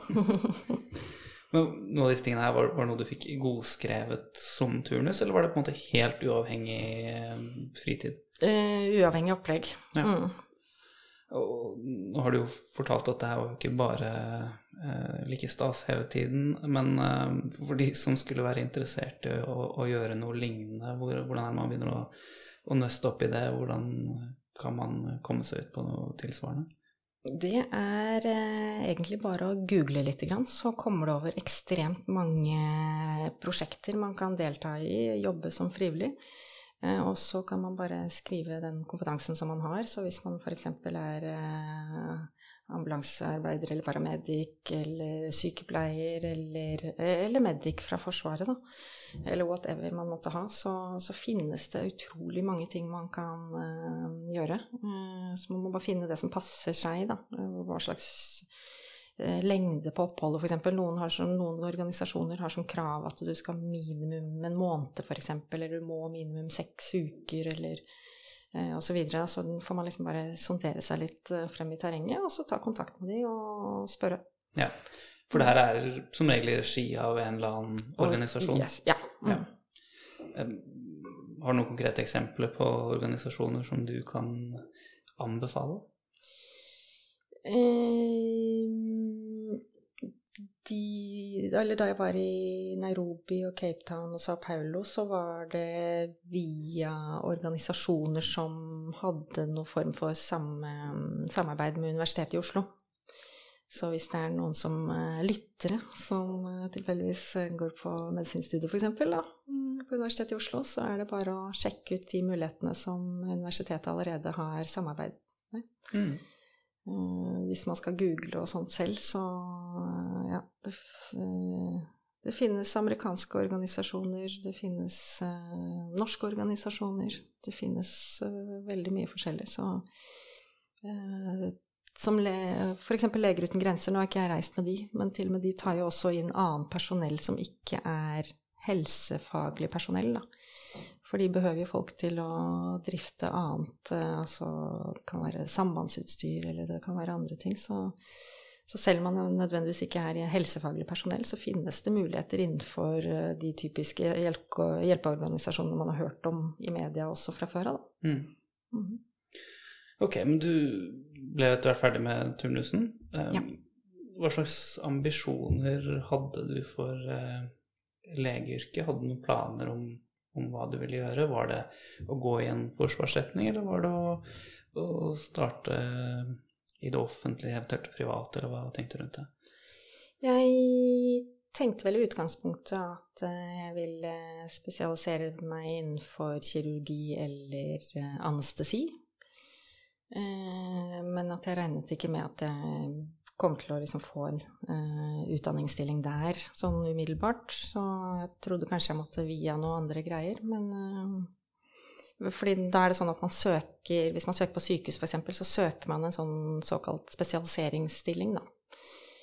Uh, trainee, eller hva man skal kalle det. Så går Du jobber, men det er et opplegg i gjerne da ca. fem-seks år, da så du jobber deg liksom gjennom dette her med et kurs i halvåret f.eks., som du har betalt eh, når du er på det kurset, men du må ta kurs og den eksamen på det kurset. Og utover det så har du en del sånn sjekklister og prosedyrelister og sånt man skal gjennom, da. Så mm, jeg trodde liksom at jeg måtte ta noen omveier, men jeg fikk da den spesialiseringsstillingen i anestesi etter turnustjenesten. Så da bare klinket jeg til og begynte på det med en gang. Mm. Og du nevnte da at du, du hadde fått en del telefoner fra Forsvaret mens du studerte. Sluttet de å ringe, eller hvordan var det? Nei da, altså jeg har jo fått henvendelser sånn eh, litt sånn jevnt og trutt de senere årene, egentlig. Den perioden fra 2015 til 2017 tror jeg nesten de ringte på hver kontingent som dro til Irak. Så de må jo mangle leger støtt og stadig. eh, Så, eller de har jo tydeligvis gjort det. Eh, Og så mm, så ble det vel ja, i ja, 2018 sa jeg ja til Irak med Forsvaret. Ok. Mm. Uh, så det var uh, Ja, når du var i Afghanistan første gang, var det Det var 2012. 2012, ja. Mm. Riktig. Det takket du ja til? Ja. ja. Og da hadde du opprettholdt uh, en viss sånn forsvarskompetanse ved å være i innsatsstyrken i mellomtiden? Ja. Var det noe du eh, hadde planlagt, eller eh, var det litt sånn tilfeldig at, du, at det dukket opp?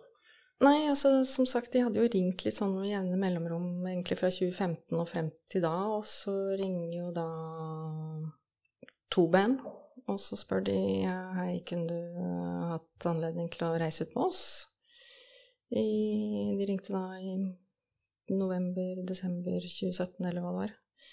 Da mm, hadde jeg jo egentlig mer eller mindre akkurat begynt på den spesialiseringsstillingen i anestesi, så mm, Eh, Jeg hadde blitt ringt et halvt år før også, på den kontingenten før. eh, Men da, da jeg måtte liksom Jeg måtte rekke å være nok på den jobben, så ikke jeg mistet den. For du får bare sånne midlertidige kontrakter eh, i starten når man eh, skal ta spesialisering som lege.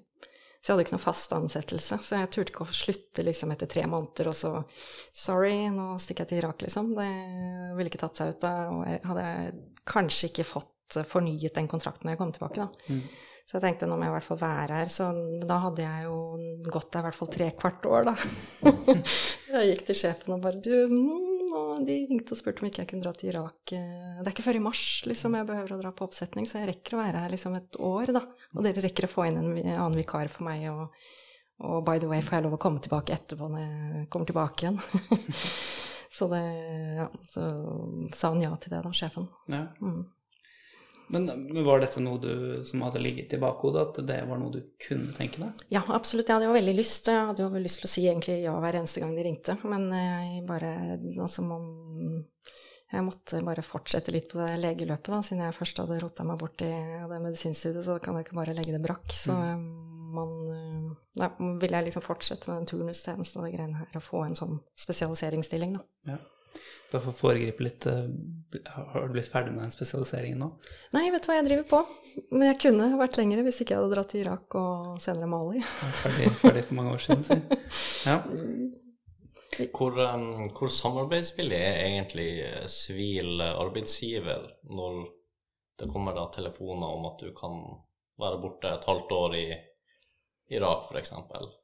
Hvor, mm. hvor populært blir det på lokale sykehus i Norge? Ja, nei da mm, Jeg Altså, han eh, var helt med på det, faktisk. Eh, og jeg fikk også For da skulle jeg jo være Det var med to band, så det skulle være på oppsetning, ikke sant, oppe i på Skjold. eh, I mange måneder først, og så var det et halvt år ut. Så, så det ville jo gå et år før jeg kom tilbake, og det sa jeg jo.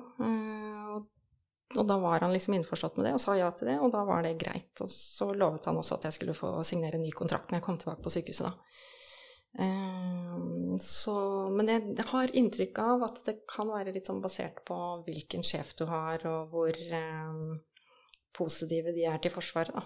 Mm. Så hvis det er noen som ikke er sånn veldig positive til det, så kunne det hende at de hadde sagt at ja, men eh, nei, beklager, da går din stilling videre til noen andre, da. Eh, hvis du slutter her nå, liksom, når du først er omtrent akkurat begynt. Mm. Så det er ikke gitt, altså, at det er eh, bare tommel opp og god tur. Så det er ikke nødvendigvis å klaske en slags innkalling i bordet og si at jeg, sorry, men jeg må jeg, jeg er tilkalt. Eh, ja, hvis det hadde vært tilfellet, så kunne man jo kanskje ha gjort det. Altså, de er jo plikt, altså, de er jo pliktige å gi deg eh, eh, permisjon. Eh, inntil eh, Jeg husker ikke helt reglene, men inntil 12 måneder innenfor 24 måneder eller noe sånt. Men da, det avhenger jo også av at man har en fast stilling, da. Og det hadde ikke jeg. Jeg gikk jo bare på eh, vikarkontrakt, liksom. Så, så selv om de på en måte da kunne sagt ja, så kunne de også vært kjipe og sagt at men beklager, da du hadde ikke fast stilling her, da er det noen andre som var litt mer keen enn deg på å fortsette her, så da får de den i stedet for, da. Men nå var som sagt heldigvis han sjefen positiv til det, da. Mm. Det, det blir ikke tatt opp som vurdering at den erfaringa du kan hente med deg fra utlandet, kan være nyttig i Norge òg? Jo, det gjør det, men, men, dessverre så teller ingenting av den tjenesten man har som lege i Forsvaret, verken i Norge eller i internasjonal tjeneste. Og det har vært en sak pågående gjennom mange år. Man har prøvd å få til noe der via å jobbe med Legeforeningen f.eks. For, eksempel, for å få godkjenning for sånne ting. Men de er steile, dessverre, og dermed så, så er det sånn. Så da får man ikke det tellende som noen form for tjeneste. Men arbeidsgiveren din kan jo se det som en veldig god mm. erfaring. Og hvis de da er litt sånn pro Forsvaret, så um, så ser de det som en, en gunstig ting, da. Ja. Hvilket min sjef gjorde, da. Mm. Så da lå alt til rette for at du kunne dra til Irak? Ja. Hvordan eh, var eh, stillingen eller rollen din der sammenlignet med Afghanistan-turen? Ja, denne gangen var jeg jo utdannet lege, da. Så da fikk jeg jo en legestilling, eh, det som heter roll 1-lege. Eh, som også da var på eh, SISU, ambulanse. Eh, så da mm, var det en sånn todelt legerolle, kan du si. Både å være rolle 1-lege på feltkontoret, eller hva man skal kalle det, inne i camp, men også være lege ute på oppdrag med SISU-en og med resten av styrken. Mm. Du har nevnt uh, disse kategoriene. Tror du nevnte roll 3 i sted og roll 1. Og, uh, kan du si litt om hva det er? Ja, uh, roll 1 er på en måte den primære Altså roll 1 lege er den primære legen som har ansvaret for de norske styrkene når de er ute. og det er vanlig at de fleste nasjoner over et visst antall soldater har med seg en egen roll 1-lege. F.eks. amerikanerne har med roll 1-leger. og danskene ute, så har de med en rolle 1-lege og så videre, da. Eh, men hvis det er litt færre, hvis det ikke er en stor nok styrke, så er det ikke nødvendigvis at man har med sin egen rolle 1-lege, da. Men det er i hvert fall første nivå, og da, man, da er det gjerne en sykepleier og to medikere også, sånn at man utgjør et lag, da. Eh, og så neste nivå er jo et feltsykehus, som er rolle 2. Og der har man et kirurgisk team som eh, kan gjøre såkalt eh, damage control surgery. Det betyr den første skadekontrollerende kirurgien som behøver å gjøres eh, på stedet, før man da stabiliserer den skadde og får sendt den videre i systemet. Og videre i systemet da blir en roll tre, hvor de har flere typer kirurgiske team og flere spesialister på mange forskjellige plan innenfor medisinen. Eh, så for eksempel eh, hvis det er en som har eh, La meg si blitt skutt i hånda, da. Så det, kan det jo være viktig med håndkirurgi og fikse mer sånn detaljerte ting for en hånd. Og da er det ikke dette her roll 2 kirurgiske teamet nødvendigvis best på det. Da kan det være håndkirurger, og de kan man da kanskje få tak i på roll 3 hvis de har det da på roll 3. Eh, også, og det er ofte i AO, eh, Area of Operation, uh, altså innenfor kanskje en helikopterflytur innenfor samme landet, da. Okay. Oftest. Og så er jo da roll fire et universitetssykehus som har egentlig mer eller mindre alt, hvilket for norske styrker er Ullevål. Eller Riksen, da. OUS, da. så så hvis en eh, norsk soldat skulle bli skadd, f.eks., så, eh, så kan det være den første rolle 1-legen, f.eks., som er på stedet. Eh, som, eller som er nærmest til å gjøre det første arbeidet. Og så evakueres den vedkommende fort, så fort som mulig ved behov til roll 2. Mm. Og hvis nødvendig også videre til roll 3, og så eventuelt tilbake til eh, Norge og Oslo universitetssykehus, da, hvis, eh, hvis det er behov for det. Ok, Så en slags kjede. Ja. Ja. Hvordan var Irak? Det var, da, had, ja, da hadde jo jeg vært der før, eh, i Irak, eh, som sivillege. Og vært på noen sivile mm, arbeidsoppdrag der eh, fra før, så jeg hadde en viss erfaring med å jobbe med irakere. Eh, så derfor føltes det ikke så veldig ukjent, sånn sett. Kan du si Mm. litt om situasjonen du kom inn i? Hvordan var forholdene i Irak? Hva var eh, konteksten? Ja, da var det jo um, i Al-Assad i sør i Irak eh, som um, de norske styrkene var da, og som for så vidt er der fortsatt. Eh, konteksten var at vi var eh, eh, oppsatt som en enhet som kunne dra ut og gjøre oppdrag. Hvilket vi også gjorde. Ulike oppdrag som man får av koalis- koalisjonen, da. Samarbeidsstyrkene, altså i hovedsak amerikanerne som var over oss igjen, da. Var det noen spesielle hendelser der som du trekker fram? Eh, en hendelse var jo annet at vi var mm, Vi hadde en del oppdrag rett ved den syriske grensen, for da var det fortsatt en eh, liten eh, lomme der i Syria som IS hadde kontroll på. Så det var veldig mye eh, oppdrag inn mot grensen der. Og den ene gangen så gikk det av en bilbombe ca. en kilometer unna oss. Eh, og eh, vi hørte smellet, og eh, da var vi sammen med noen irakiske soldater også, irakiske hæren, så de fikk jo melding om hva som hadde skjedd også ganske fort. Og da fikk vi noen skadde som ble sendt til For vi tilbød oss med en gang, selvfølgelig, og de så jo vi var der med ambulansen vår og Genferkorset på veggen, så var, de var jo ikke noe tvil om at vi hadde eh, sanitetspersonell der, da. Så da fikk vi noen skadde til eh, oss, faktisk, da, som ble kjørt til oss, eh, som, som vi fikk behandlet, og, og så deretter sendt videre, da. Mm. Så det var jo en eh, erfaring rikere. Eh, For da jobber du hands on med, Ja. med behandling? Ja, Mm. ja. Mm. Hva slags type skader er det man eh, kommer ut for i, i sånne situasjoner? Eh, Det er jo ofte da noen form for sånn splintskader eller shrapnels. Det er eh, noen løse objekter som har truffet de, eller som har, ja, som, som har gjort at de har blitt skadd. Da. Ikke nødvendigvis kanskje ja, Altså det blir jo alt eh, materiellet som har ligget rundt denne bomba når den går av. Alt bare splintres jo opp og skytes ut i alle kanter. De som blir truffet av det, får gjerne noen kuttskader, f.eks., eller noen noe ulike skader. Da. Penetrerende skader.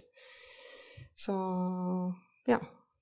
Sånne typer skader er jo ganske vanlige. De som, er, eh, de som har overlevd, som er eh, langt nok unna da, til at ikke de ja, kan du si dør umiddelbart. Mm.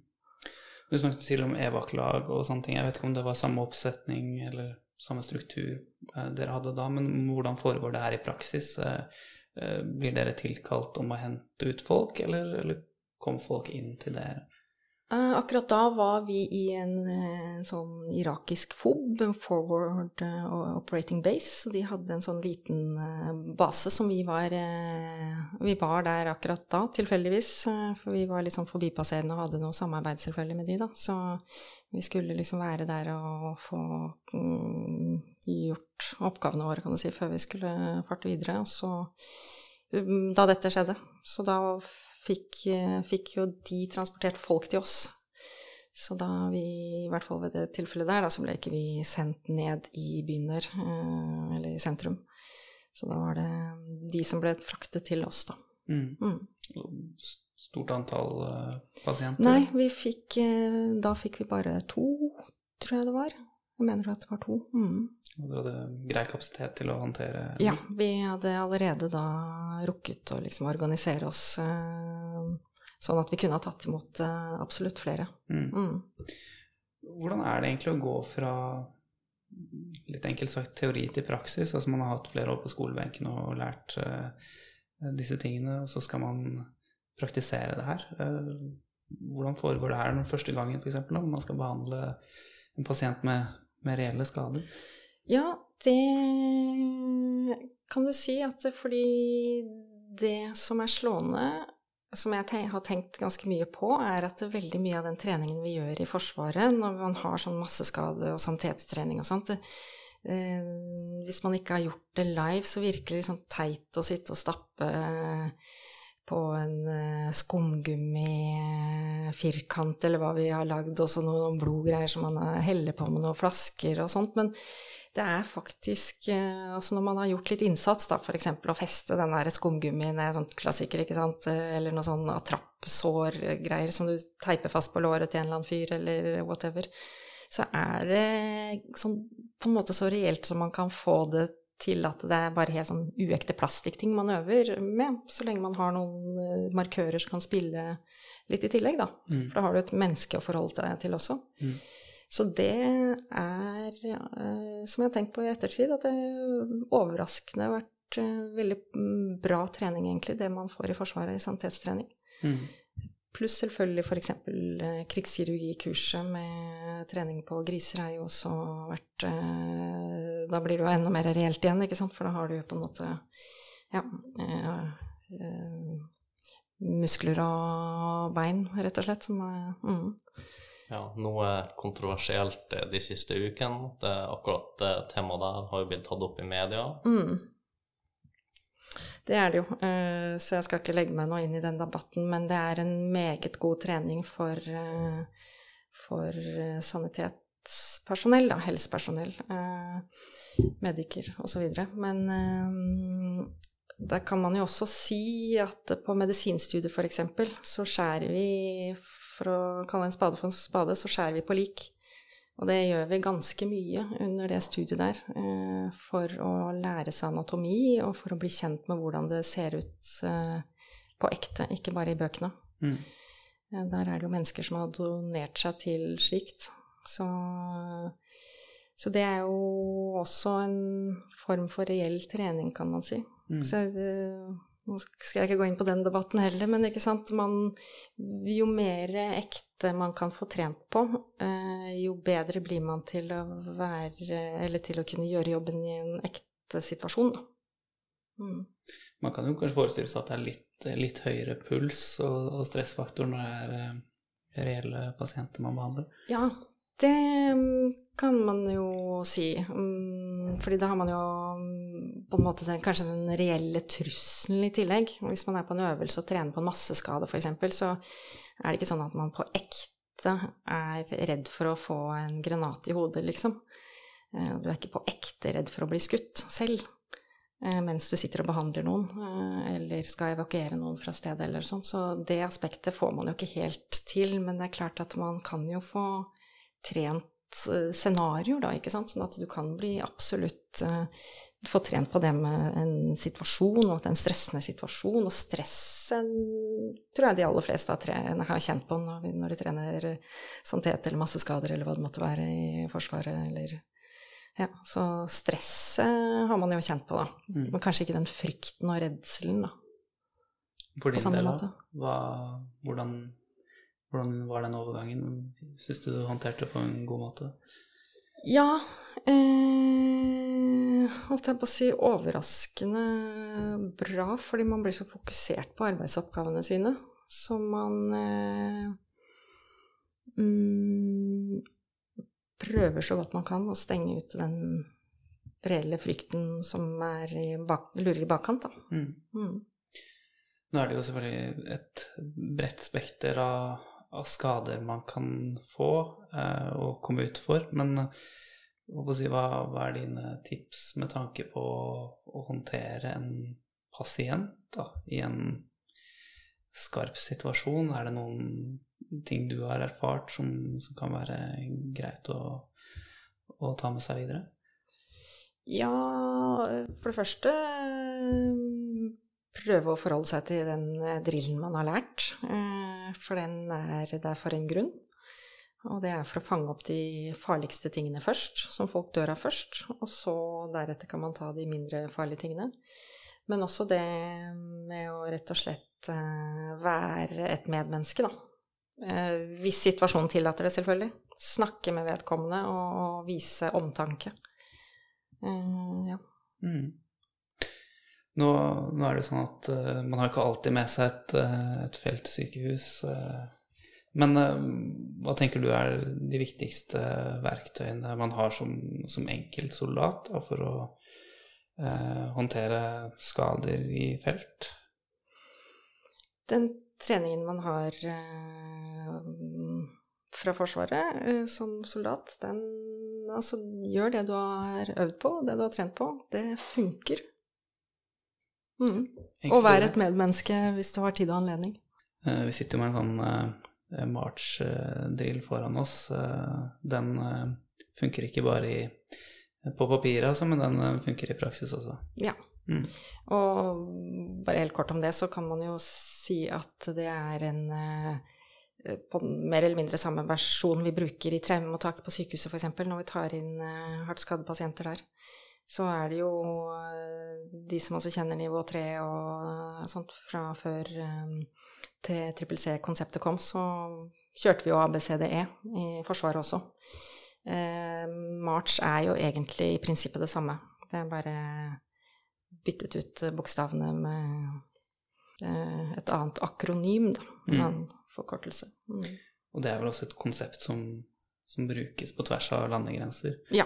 Mm. Mm. Så det vil andre også kjenne seg igjen, i hvert fall i, i Nato, vil jeg tro. ja, definitivt. I sandvesken um, Nå er det jo forskjellige ting man bruker til forskjellige formål, naturligvis. Uh, er det noe du tenker der som, uh, som er uh, viktig å, å huske på med å bruke det, det utstyret man får utlevert, med tanke på sannhet? Ja, egentlig mm, bare rett og slett å gå gjennom den en gang iblant. Sjekke at du har det du skal ha, Mm. eh, og at eh, pakningene er hele.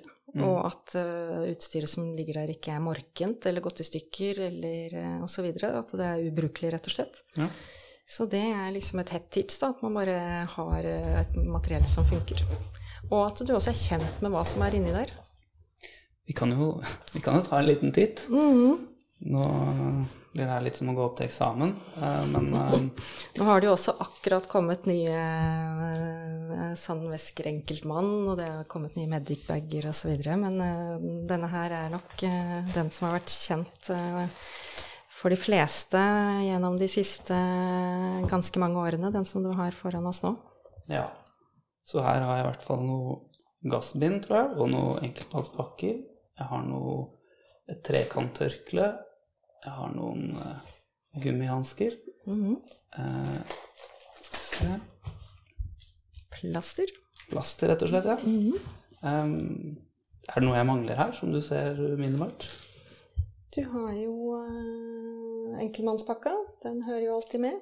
Og så eh, skal vi ta den eh, ultimate sjekken, da, om du har husket å legge nedi et eh, sånn um, kort. Det har jeg faktisk i sandlomma, som er eh, den som sitter rundt Ja, selve det. Nydelig. Den har jeg ikke her og nå, men Ikke eh, sant? den er på plass, i hvert fall. Ikke sant, ja. For den er eh, nyttig for de som tar imot. Dokumentasjon. Ja. Mm. Mm.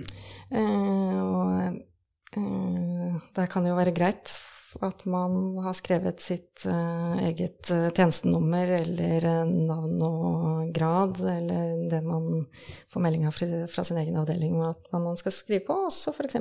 tidligere medisinske tilstander, og eventuelt om man har noen allergier, spesielt mot medikamenter f.eks. Så hvis det står, så er jo det en lapp som hvis du skulle bli skadd, så kan jeg finne den, helst oppi sammen med den uh, sandveska di, og så kan jeg eh, kjapt fylle ut den. Eh, hvis du skal videre i systemet, så slipper jeg å mm, ja, bruke tid på akkurat de tingene som du hadde fylt ut på forhånd, f.eks. For. Ja. Så det er viktig, viktig å fylle ut eh, den på forhånd. Det er litt, litt sent når, når eh, uhellet er ute. En del av KTS-en. Riktig. Mm. Ellers eh, ser, det, ser det greit ut? Ja. Eh, nå har ikke jeg den komplette listen eh, nødvendigvis heller, så eh, varierer det jo også litt sånn i forhold til eh, hvilke oppsett man får. Det har jo hendt det kommet ut noen nye lister, og så kommer det en ny liste, og ikke sant. Så, eh, men å ha noe forbindingsmateriale som kan eh, være med å stoppe blødning eh, Tornikeen er jo ikke her, men den regner jeg med du også har på vesten din. Mhm. Eller belte, eller liksom et eh, veldig lett håndgripelig sted. Mm. Eh, og hansker er kjekt for egenbeskyttelse også. Mm. Eh, så du har i hvert fall noe for å stoppe blødning. Eh, og det er jo det man dør av aller først og fremst. Og så, eh, Deretter så har man jo liste nedover på March, men eh, det er et veldig god start bare å ha noe å forbinde blødninger med. Du nevnte at det var en ny sats på vei inn. Eh, Kan du si litt om hva som er forskjellen? Der har ikke jeg helt oversikten over den eh, nye sandvæske eh, enkeltmann, så det skal jeg faktisk ikke svare på, for den har jeg ikke fått gått gjennom ennå.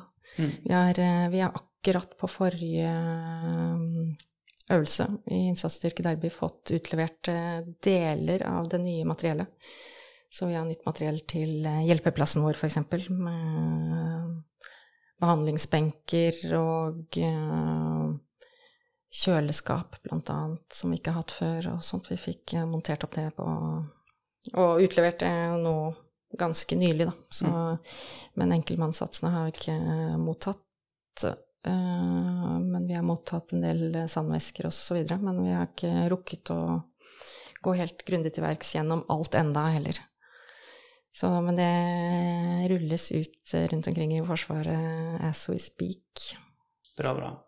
Så bare kort oppsummering der. Det er altså viktig å, å sjekke innimellom at uh, satsen er oppdatert og fylt opp i henhold til uh, eh, det den skal være, og fylt ut et eh, pasientkort, altså.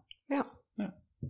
Kan han eh, skryte på seg nå eh, godkjennelse av lege på oppsettene? Altså? Ja, det, jeg tror vi kan godkjenne den her. Eh, Har du eh, Hvilket nivå av sanitetstrening har du fra Forsvaret? Jeg har bare first responder-kurset. Ja. Mm. Mm. Og da kommer man ganske langt med den kunnskapen og det lille materiellet man har her. Da kan jeg puste lettet ut. Ja, med tommel opp. Ja, ja det er supert. Eh, ja, nå har vi jo gått, eh, gått veldig, veldig hands on til verks her på, på utstyret. Um, vi snakket eh, om Irak eh, i sted. Hvor, lenge ble, ble det oppholdet der nede?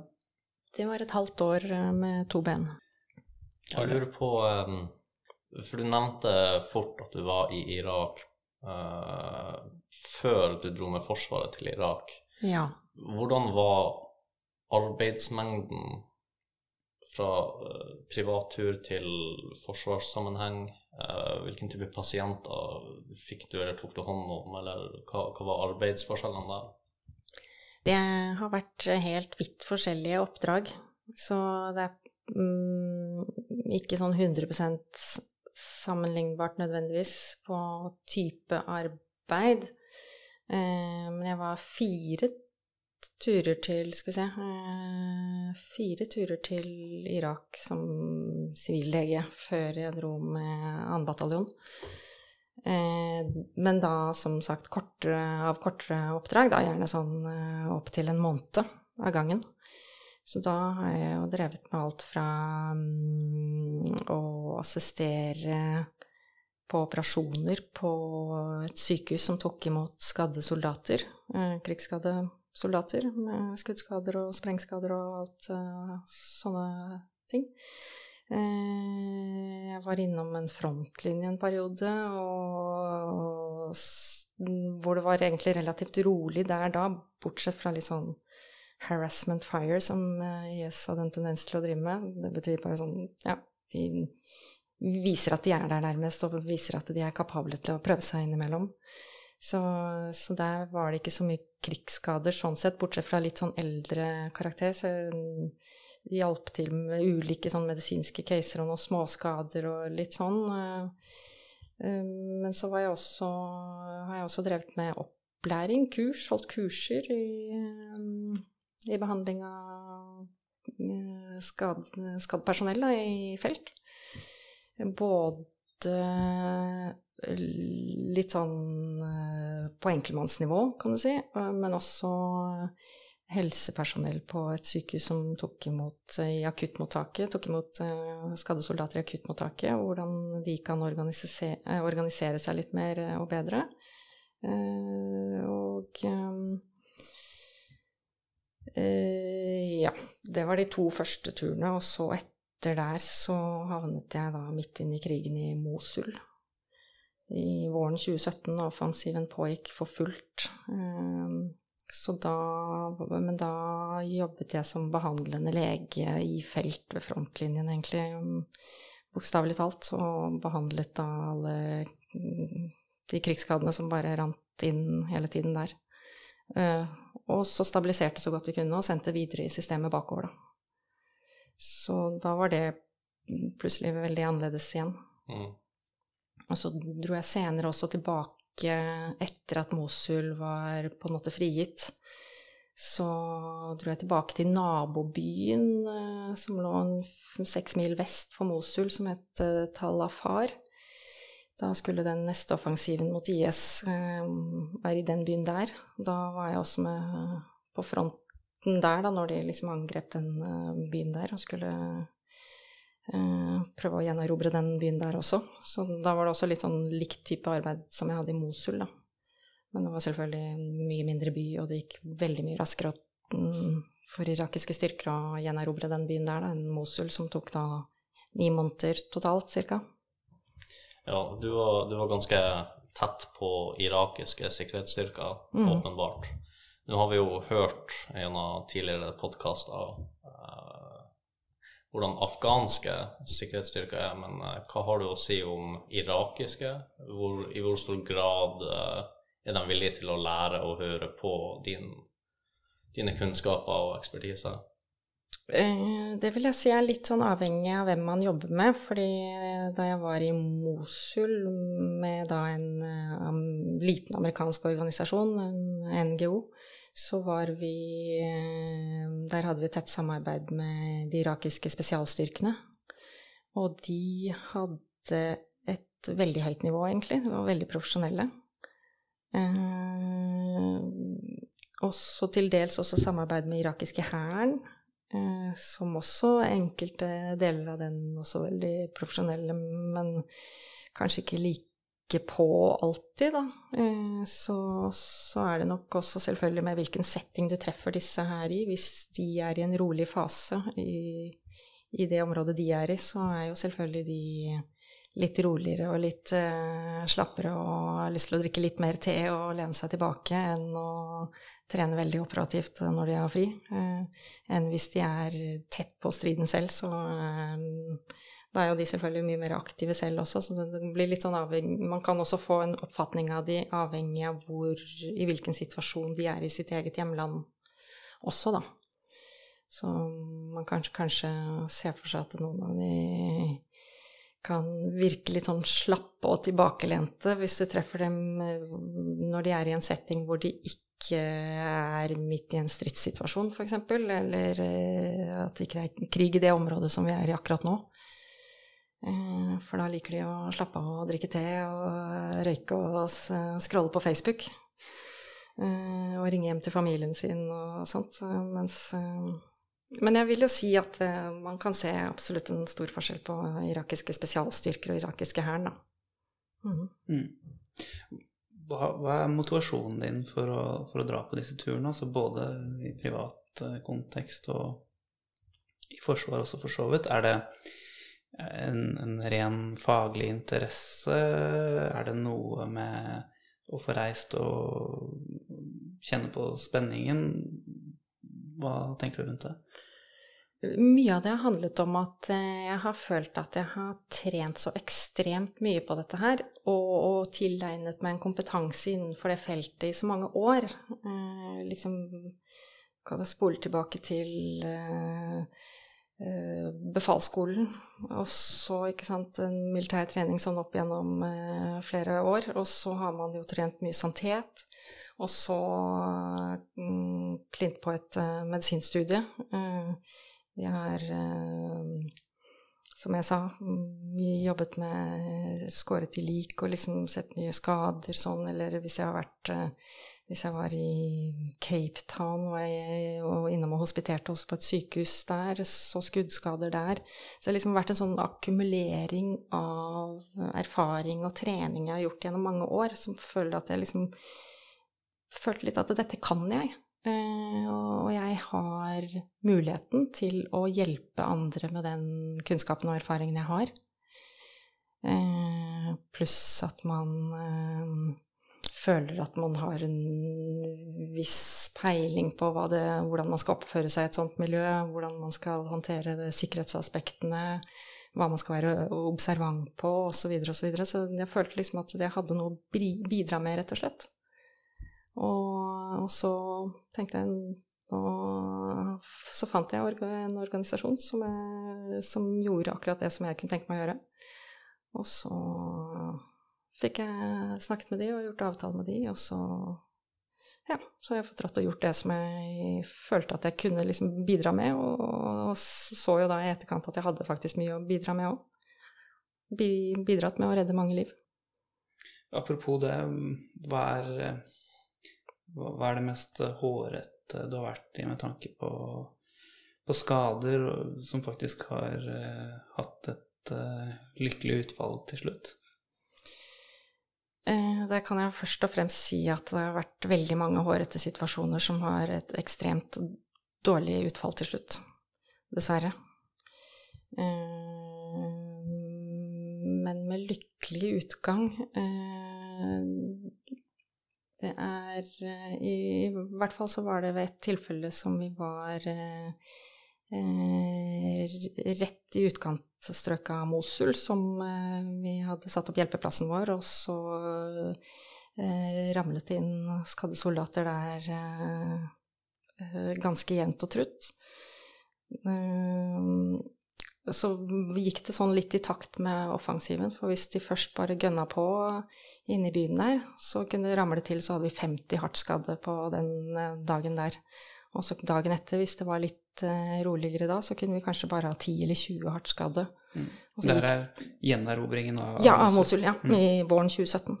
Så det gikk veldig sånn opp og ned, men uh, så var det et tilfelle der som uh,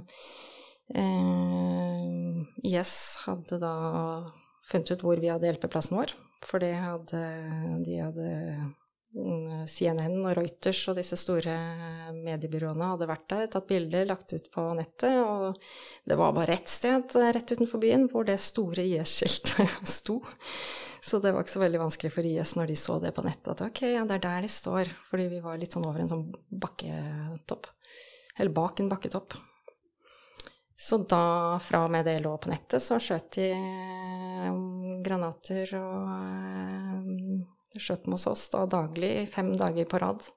Så da er det jo egentlig bare litt flaks at man på en måte ikke blir truffet, da. Fordi det landet jo rundt omkring hele tiden, og vi hadde ikke noe, det var ikke noen bygninger der som vi kunne gjemme oss under. For alt eh, bygningene som var i nærheten, var helt totalt eh i, lagt i grus, da. Eh, så bombet i stykker alt sammen. Så vi hadde egentlig bare noen sånne høye Disse her betongveggene som er sånn tre meter høye. Eh, vi hadde noen sånne som vi kunne liksom på en måte dekke oss litt bak, da. Men så kom det jo en helt enorm strøm med flyktninger, selvfølgelig, også, som ble sluppet ut av byen i litt sånn eh, halvkontrollerte former. Så de prøvde å gi dem hus, uh, husarrest, si husarrest men portforbud uh, når de skulle gønne på med, med offensiven sin, uh, og advarte folk om at da måtte de bare holde seg, gjemme seg så godt de kunne. Eh, men så åpnet det innimellom for, mm, sånn at flyktningstrømmen kunne komme ut også, da. Og da så vi måtte samle alle disse flyktningene på andre siden av den muren, for vi hadde hjelpeplassen vår der. Måtte, for de måtte gjennomsøkes og kontrolleres til, på en eller annen måte. Eh, nå gikk jo ikke det å gjøre i detalj, for det var snakk om alt fra 500 til 4000 flyktninger som passerte den hjelpeplassen vår hver dag. Så det var liksom eh, Men de prøvde så godt de kunne, og så søkte de gjennom, og så etter hvert skippa dem opp på lastebiler, kjørte dem videre. Eh, og til, noen busser da, som sto liksom sånn noen kilometer lenger bak, og så videre til flyktningleirer. Men da denne stakkars gjengen da, på 70 flyktninger omtrent, som satt da på den andre siden av den muren. Og da var jo disse granatene som bare ramla rundt nede oss eh, flere dager på rad. Og så kom det en sånn splint som hadde gått av, og traff midt nede i den folkemassen. Og vi hørte det suste rett over hodet vårt eh, nok en gang. Og så traff den midt nede i folkemassen, og de der 70 70-100 flyktninger, sånn cirka der. Alle bare skreik og løp og reiste seg opp og hylte, ikke sant. Og, eh, og så oppdager folk at man ikke var truffet. Bortsett fra en sånn ca. 14-årig gutt og, som satt ved siden av faren sin. Han hadde da fått en sånn skikkelig splint i magen. Og han faren løfta jo han og visste jo at vi satt hadde eh, behandlingsplass rett bak den muren. Da. Så han bare løftet opp den sønnen sin, løp rundt muren og slang den på en behandlingsbenk til oss, da. Og da ja, fikk vi jo behandlet så godt vi kunne denne, disse tarmene og sånt med en gang. Og, og fikk også da samtidig um, fraktet han i en ambulanse.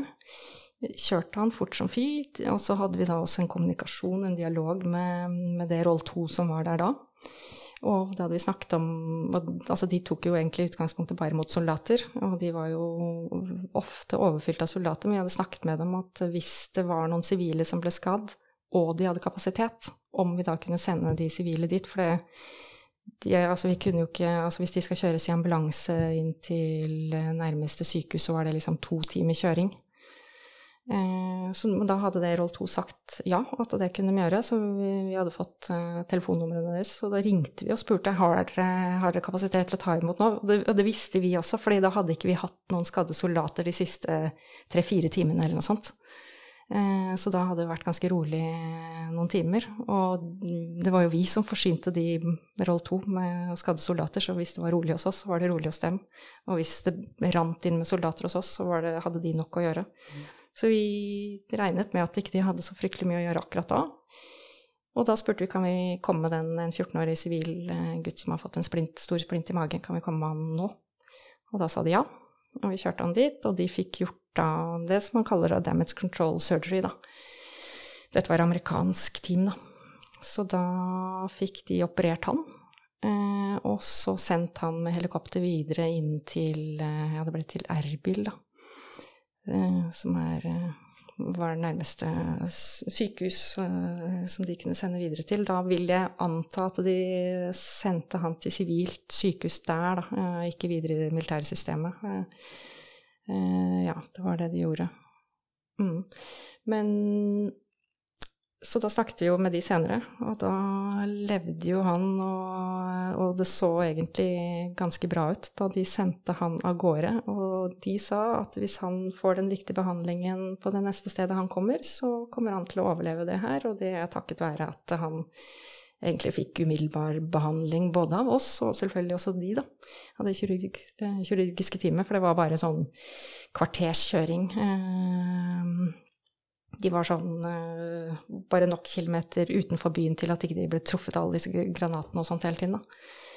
Så det var, uh, det var jo en som fikk en lykkelig slutt. Så de uh, Da fikk vi i hvert fall beviselig reddet et liv akkurat der og da. ja. Ja, nei, det, det høres, jo, høres, jo, veldig givende ut å kunne hjelpe, hjelpe folk på en så veldig konkret måte. Ja, det er nettopp det. Eh, så du har ikke, men du har ikke fått noe helt konkret tilbakemelding, eller du har ikke noe, tilfeldigvis noe kontakt med akkurat den personen i etterkant? Nei, dessverre. Fordi at det, var, det, er det som er problemet i, når det er så enormt mye pasienter og skadde hele tiden. Og det var jo selvfølgelig ikke bare soldater som vi fikk, det var masse sivile skadde, det var masse barn som var skutt i hodet. De som ble båret av foreldrene, ble skutt i hodet av IS-snipere. Og de barna som kunne løpe selv, de ble skutt i ryggen. Så vi fikk, fikk Det bare rant på helt eh, enorme mengder med skadde, hardt skadde hele tiden. Og dermed mister man helt muligheten til å kunne følge opp noe som helst. Og det var liksom sånn dagen etter så husket vi nesten ikke liksom hvem vi hadde hatt dagen før. Så det dessverre, for det var annet en gravid kvinne, da, som hadde mm, gått på noe IED, eh, eller om det var et bygg som var boobertrapped, eller noe sånt. Og hun, da hun kom til oss, så manglet hun jo begge bena. De var av sånn ved Rett under knærne, tror jeg. Eller ene var Ja, i hvert fall hadde vi satt, satt vi torniker på begge lårene. Og hun var jo ganske hadde ganske stor mage, var gravid, som sagt, så det var jo ikke noe tvil om at hun var gravid. Eh, men hun levde jo da hun var hos oss. Eh, men, og hun kunne prate, og hun kunne liksom eh, Hun var bevisst. Eh, så vi behandlet henne og stabiliserte så godt vi kunne, og fikk sendt henne av gårde videre. Eh, men der igjen Altså hvis hun Jeg håper at hun, ble, at hun var såpass langt at hun kunne bli sendt på keisersnitt, fordi da kan man redde i hvert fall barnet, og, og kanskje også større sjanse for å redde mor da. Men da Hun er også en sånn som jeg tenker på hvordan gikk det egentlig med henne, for hun var også levende når vi sendte videre. Så det er en del sånne som man gjerne skulle ha visst historikken videre på. Hva, hva, var den mest vanligste skaden du så der? Var det, var det type skuddskader, eller var det i form av veibombe og IED og booby traps og eksplosjonsrelaterte skader? Mm, uten at jeg har noe tall på det, så vil jeg kanskje se to tredjedeler av det var sånn eksplosjonsskader av noe form, enten om det var eh, fra fly som tilfeldig dessverre hadde truffet andre eh, enn IS også. Det kan, og det var alt mulig slags eh, type eksplosjonsskader av eh, granater eller IED-er, boober og sånne ting. Eh, jeg vil tippe kanskje to tredjedeler av det, og resten sånn skuddskader. Mm. Mm. Vi har også snakket om IS. Eh, tidligere her, hva er på en måte ditt inntrykk av dem? Er de like hensynsløse og brutale som det man har fått eh, inntrykk av gjennom media? Ja, det så vi på de, som sagt, disse barna som eh, hadde blitt båret når, altså når flyktningene prøvde å løpe. Eh, de som ikke gjemte seg, men de som flyktet ut av gaten og løp av gårde. Så de barna som ble båret, som sagt, de var, der siktet de mm, på barnet eh, og hodet til barnet, for det var liksom mye større frykt og mye større sorg å, få gjort uh, det. Og så disse barna som var da store nok til å løpe selv, var skutt i ryggen, liksom. Det er, det er helt horribelt at det er liksom De går på helt uskyldige ofre, da bevisst hele tiden. Mm. Mm. Hvordan er det å komme hjem da etter å ha vært ute på en sånn tur? Er det, det, det, er vel et slags antiklimaks, men klarer man å konvertere til, til et mer normalisert liv her i Norge, eller henger disse inntrykkene igjen når man er kommet tilbake? Eh, ja, det er veldig rart å komme hjem etter noe sånt, for når man har reist ut som sivillege, så er det ikke noe sånn at du har noe mellomlanding, eller liksom det er ingen som eh, tar noen samtale med deg, eller liksom eh, ivaretar deg på noen som helst måte, da. Så det blir jo opp til oss internt i det teamet som vi jobbet sammen med, å ta debrifer og sånt. Og det, så det er veldig sånn rart når du kommer hjem, eh, fordi da er det liksom men, men, det har jeg følt at det egentlig har vært sånn uh, uansett uh, på alle de, altså uansett om jeg har vært ute med Forsvaret eller sivil, at det, overgangen når du kommer hjem er jo veldig sånn brå, da. Og så plutselig er det liksom helt andre ting som uh, det handler om. Mm. men det kan jo også, når du spurte om den råheten til IS uh, det sier også mye om råheten når de hele tiden bevisst gikk etter uh, merket ambulansepersonell, f.eks., og hjelpeplassen vår, som de da, når de som sagt så hvor den var, så er de liksom ute etter å skade eh, eh hjelpepersonellet, da. For å liksom skape mest mulig På en måte få moralen mest mulig ned. Mm. Uh, og det, det er så fjernt når man da kommer tilbake til Norge. For det er liksom Man er jo ikke i nærheten av noe som helst sånn uh, her. Så det er liksom sånn Ja, det er en helt annen verden. Men på den annen side så kan jeg også si at det, med tiden syns jeg det har blitt lettere.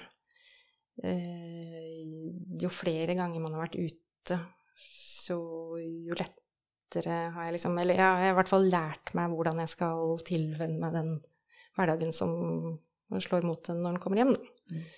Så, så, pluss at man sikkert har funnet sine egne måter å håndtere liksom, den overgangen der, da, som at man gjør sikkert eh, visse tiltak eh, selv for å liksom lande da best mulig. Så det vi kan konkludere med, er at eh, IS-terrorister er rett og slett bare noen dustemikler? Ja, det det er i hvert fall en helt sånn råhet og brutalitet som er helt utrolig vanskelig å forestille seg at det er liksom sånn de ønsker å skade folk, da. Og hvordan er det å komme hjem fra en sånn tur i privat regi versus eh, med Forsvaret? Er, er det sånn at du måtte foretrekker det ene framfor det andre, eller det støtteapparatet som Forsvaret tilbyr, er det noe du savner når du eh, kommer hjem etter en tur eh, hvor du ikke har hatt det støtteapparatet? På en måte egentlig ikke, fordi at eh, når jeg da reiste ut som sivillege, så vet jeg da er, da er det disse premissene. Så da er jeg på en måte så innstilt på at det er sånn det er. Så da må jeg på en måte ta det sånn som det er etterpå også. Så Men absolutt, jeg syns Forsvaret absolutt har gjort og gjør veldig mye bra for uh, sine veteraner når de kommer hjem. Da, måten man har liksom uh, begynt å legge dette med mellomlandinger og etterlanding i etterkant og uh, så, så, absolutt kred til Forsvaret for at de har forbedret dette her opp igjennom fra alle de årene jeg har sett hvordan internasjonal tjeneste har vært. F.eks. de kollegaene mine som dro til Kosovo rett etter befalsskolen. Eh, det var ikke noe mellomlanding eller noe etterlanding eller noe eh, sånne greier da. Så absolutt eh, veldig mye for seg, det. Utvikling i positiv retning, altså? Definitivt. Um, yes, Mosul Vi har jo sett noen uh, bilder på Instagram. Um, ja som, som du har tatt. Eh, kan du si litt om, om uh, livet på sosiale medier, og hvordan det oppsto og utviklet seg? Ja, eh, jeg måtte egentlig scrolle tilbake og se når jeg startet den kontoen. Det var jo i 2012. Mm, og så så jeg også at jeg hadde lagt ut noe allerede i 2013. Mm, noe greier fra mm, Forsvaret. Uh, og så Det var jo på en måte ja, min vanlige private konto da. Og så begynte det liksom å eskalere litt grann uh, i takt med ting jeg la ut, selvfølgelig, som folk fattet interesse for og sånt. Og så, og så mm, tok det liksom Og så plutselig ble det flere følgere, og så ble det enda flere følgere, og så plutselig raste det på. Så liksom steg det veldig fort en periode der. Um, og så etter hvert så begynte jeg å få veldig mye henvendelser fra andre, sånn som vi snakket om tidligere. At uh, jeg fikk spørsmål om uh, hvordan man skulle trene seg opp for befalsskolen, og om jeg hadde noen tips hvis man skulle inn i førstegangstjenesten, hva man kunne forberede seg på for å være best mulig stilt uh, når man møtte. Eh, også alt det her omkring hvordan har jeg da liksom havnet der jeg er i dag med lege som jobber i Forsvaret, og så jobber jeg litt sivilt, og så det her. Det er mye spørsmål omkring det. Så etter hvert så, så jeg jo det at den eh, Instagram-kontoen begynte å leve litt sitt eget liv, nærmest, da. Som ble at jeg plutselig hadde blitt en form for ambassadør. Eh, og spesielt da kanskje for eh, jenter i Forsvaret. Eh, for jeg fikk veldig mange henvendelser fra jenter som spurte omkring det her, men også etter hvert ganske mange gutter, da. Eh, som hadde spørsmål som hadde liksom i forhold til det her med mm, den retning da innenfor Forsvaret. Mm. Så så på en måte det ble litt etter hvert mindre og mindre private greier jeg la ut, for den begynte å leve litt sitt eget liv, nærmest. Så ble det mer og mer, kall det profesjonelt, da, sånn at de tingene jeg la ut, handlet egentlig enten om Forsvaret eller om eh, eh medisin, sanitet eh, eller legeting. Eh, ambulansen, som jeg hadde jobbet litt eh, i en periode, og eh, også trening, da. Mm. Det var jo en slager at jeg fant på å gjøre liksom sånn pushups og pullups på veldig mange sånne litt rare steder. Det også ble en hit. Som jeg fikk veldig mye tilbakemelding på. Folk syntes det var gøy, da. Mm som sendte meldinger bare, rett og slett, eller skrev og kommenterte og sånt. Så, så etter hvert så måtte jeg på en måte fant jeg ut at det, altså det her eh, Da får den eh, da, da, får jeg holde det litt mer, kall det profesjonelt, men allikevel eh, personlig, da. Fordi det rant jo også på med masse tilbud om eh, man skal være sånn ambassadør eller reklamere for produkter, og, og, veldig mye fikk jeg veldig masse henvendelser en lang periode der med å teste ut mye sånn sanitetsutstyr, og skulle få tilsendt derre Medic-bager fra USA og hit og dit og overalt og rundt omkring og, og, sånt, og skulle teste ut dette her, og helst da selvfølgelig legge ut bilder og, og si hva jeg syntes og, og sånne ting, da.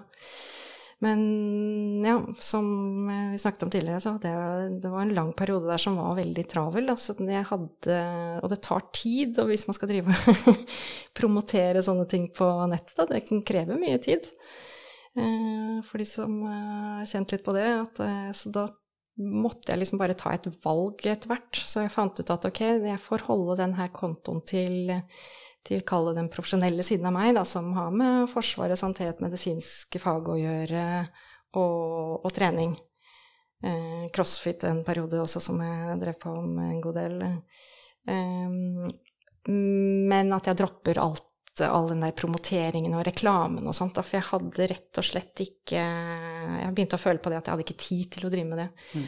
Og jeg hadde heller lyst til å svare på alle henvendelsene om eh, om sånn opptrening i forkant av et eller annet opptak, eller liksom eh, om jeg hadde noen tips og råd på veien videre i Forsvaret for å kunne drive med sannhet, eller liksom Jeg hadde mer lyst til å svare på sånne ting enn å bruke tid på å promotere en eller annen ny turniké som et eller annet, da, eh, som jeg hadde fått tilsendt fra USA, f.eks., eller hva det måtte være, da.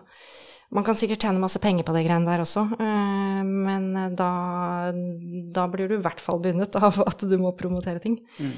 Eh, og hvis du blir sponset med mye, så må du også sant, bruke tid på å promotere alt det der. Så jeg bare bestemte meg til slutt for at jeg sier egentlig nei til alle sånne henvendelser. Og prøver å holde reklamefritt. Og så får det være sånn hva kaller private, profesjonelle siden av Katrine som uh, lever uh, videre på den kontoen, da. Mm. Så det, og, og, sånn har det blitt, da. Ja. Og de som mot formodning ikke har fått med seg den kontoen, så er det altså Katta Matta på uh, Instagram. Ja.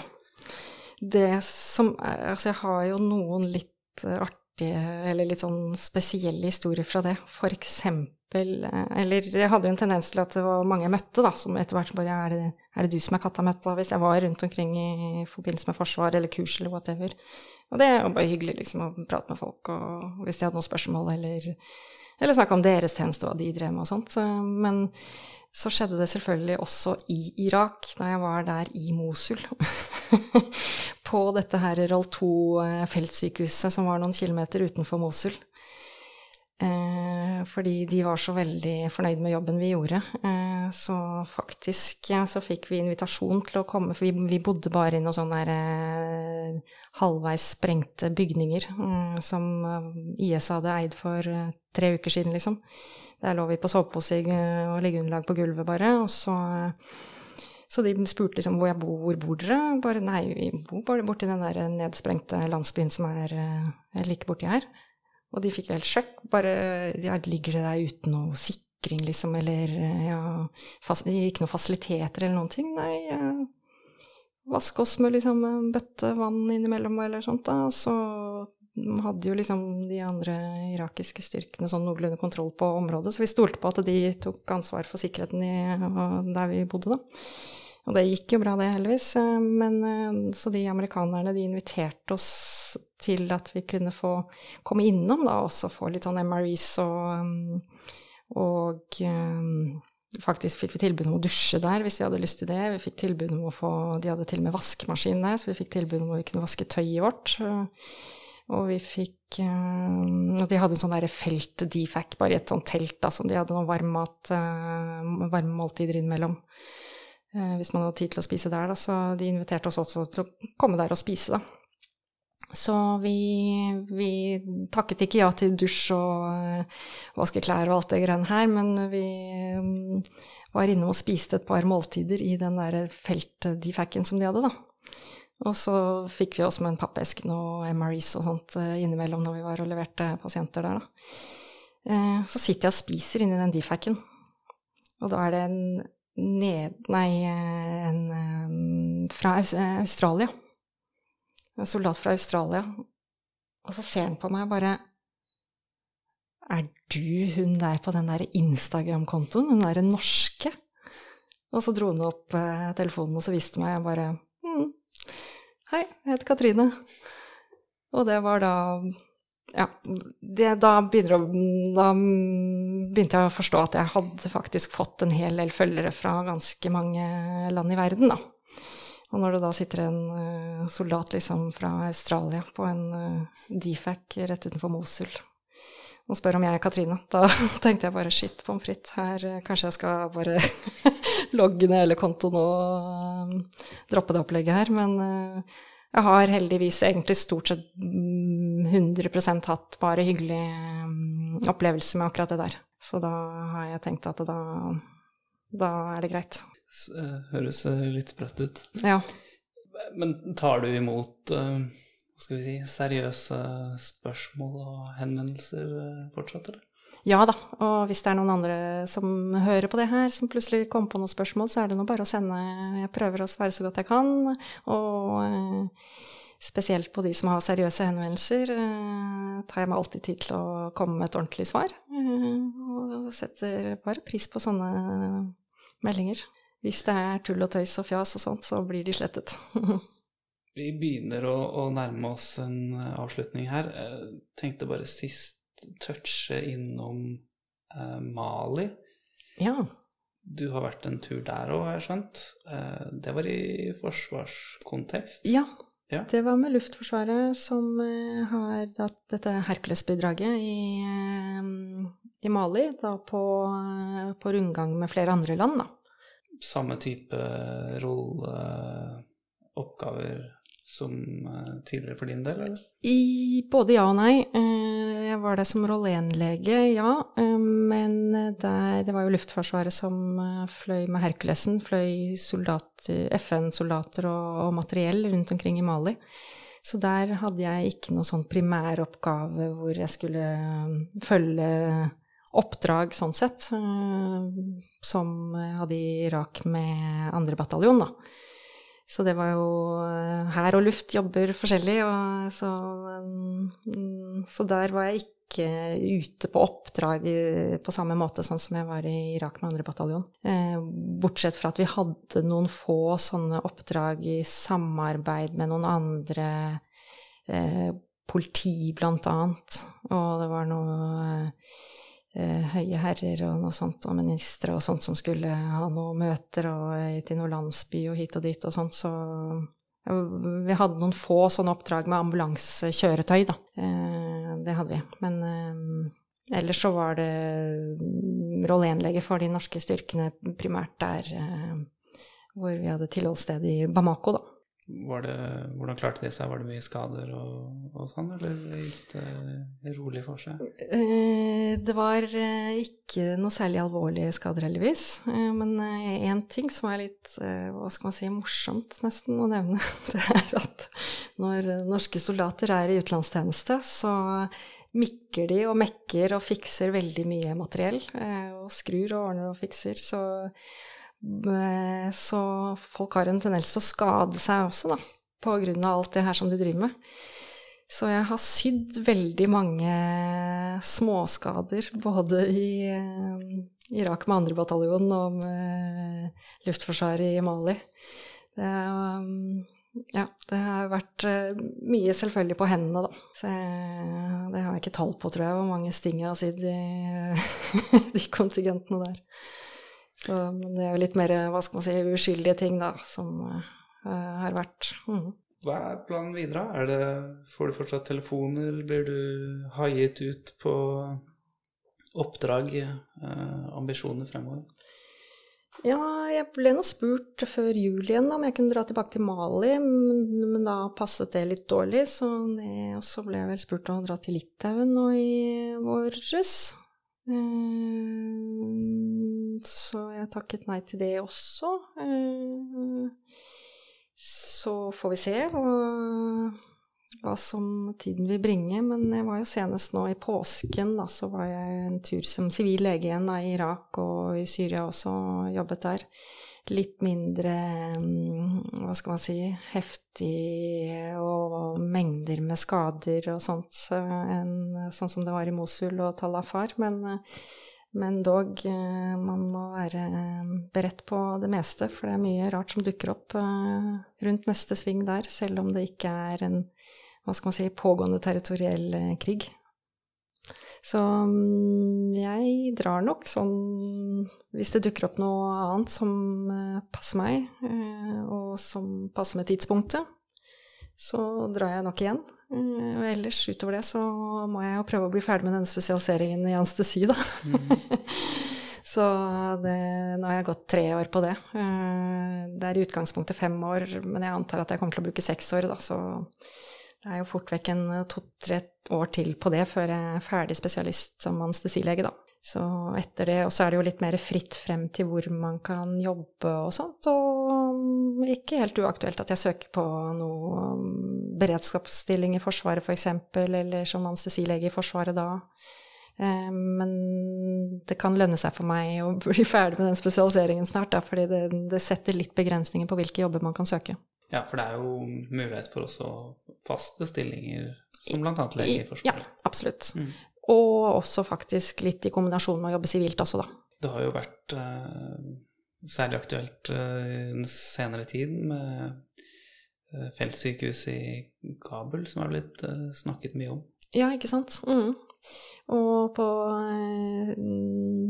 disse her Roll 2-feltsykehusene som vi har da kirurgiske team, så kan jeg inngå da som anestesilege i et sånn kirurgisk eh, team etter hvert, da. Eh, men da bør jeg da helst ha blitt ferdig med den spesialiseringen, så det er jo litt lengre frem i tid. Mm, så da, hva kan man si, rykker jeg opp fra roll 1 til roll 2-lege.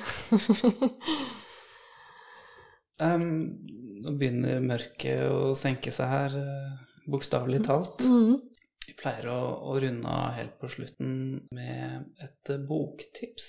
Har du noen bøker du har lest som du tenker at uh, andre kan ha glede av å lese, og som har hjulpet uh, deg? Ja, eller i hvert fall som jeg sånn relativt nylig har lest. Det er jo den 'Marinejeger' av Kenneth Bjerkelund. Eh, det er på en måte mye man kan kjenne seg igjen i, selv om eh, veldig langt fra noen spesialstyrker som jeg har vært i, sånn sett, så er det mye som er gjenkjennelig allikevel. Og så er det litt sånn folkelig skrevet, så man kan liksom eh, gjenkjenne seg i mye av tankegangen, da. Uh, og der kan man jo også nevne Mike Persmerganoui sin uh, 'Min kamp mot kalifatet' også. Så uh, i og med at jeg også har vært såpass mye i Irak, både som litt sånn på frimiter, kan du si, og også med Forsvaret, da, så veldig mye der også som er gjenkjennelig. så hvis Ja, det er litt sånn folkelige bøker og lettlest eh, og veldig spennende litteratur. Så de to kan jeg sette en knapp på. Ellers så ligger jo da 'Jegerånden' eh, av forsvarssjefen eh, selvfølgelig på nattbordet. Den har jeg akkurat dratt i gang på nå. Mm. Da sier vi tusen takk for at du tok tid fra hektisk hverdag til å stille opp her hos oss, og takk for innsatsen. Tusen takk for at jeg fikk komme. Vi sender Norway og 3 Charlie slutt.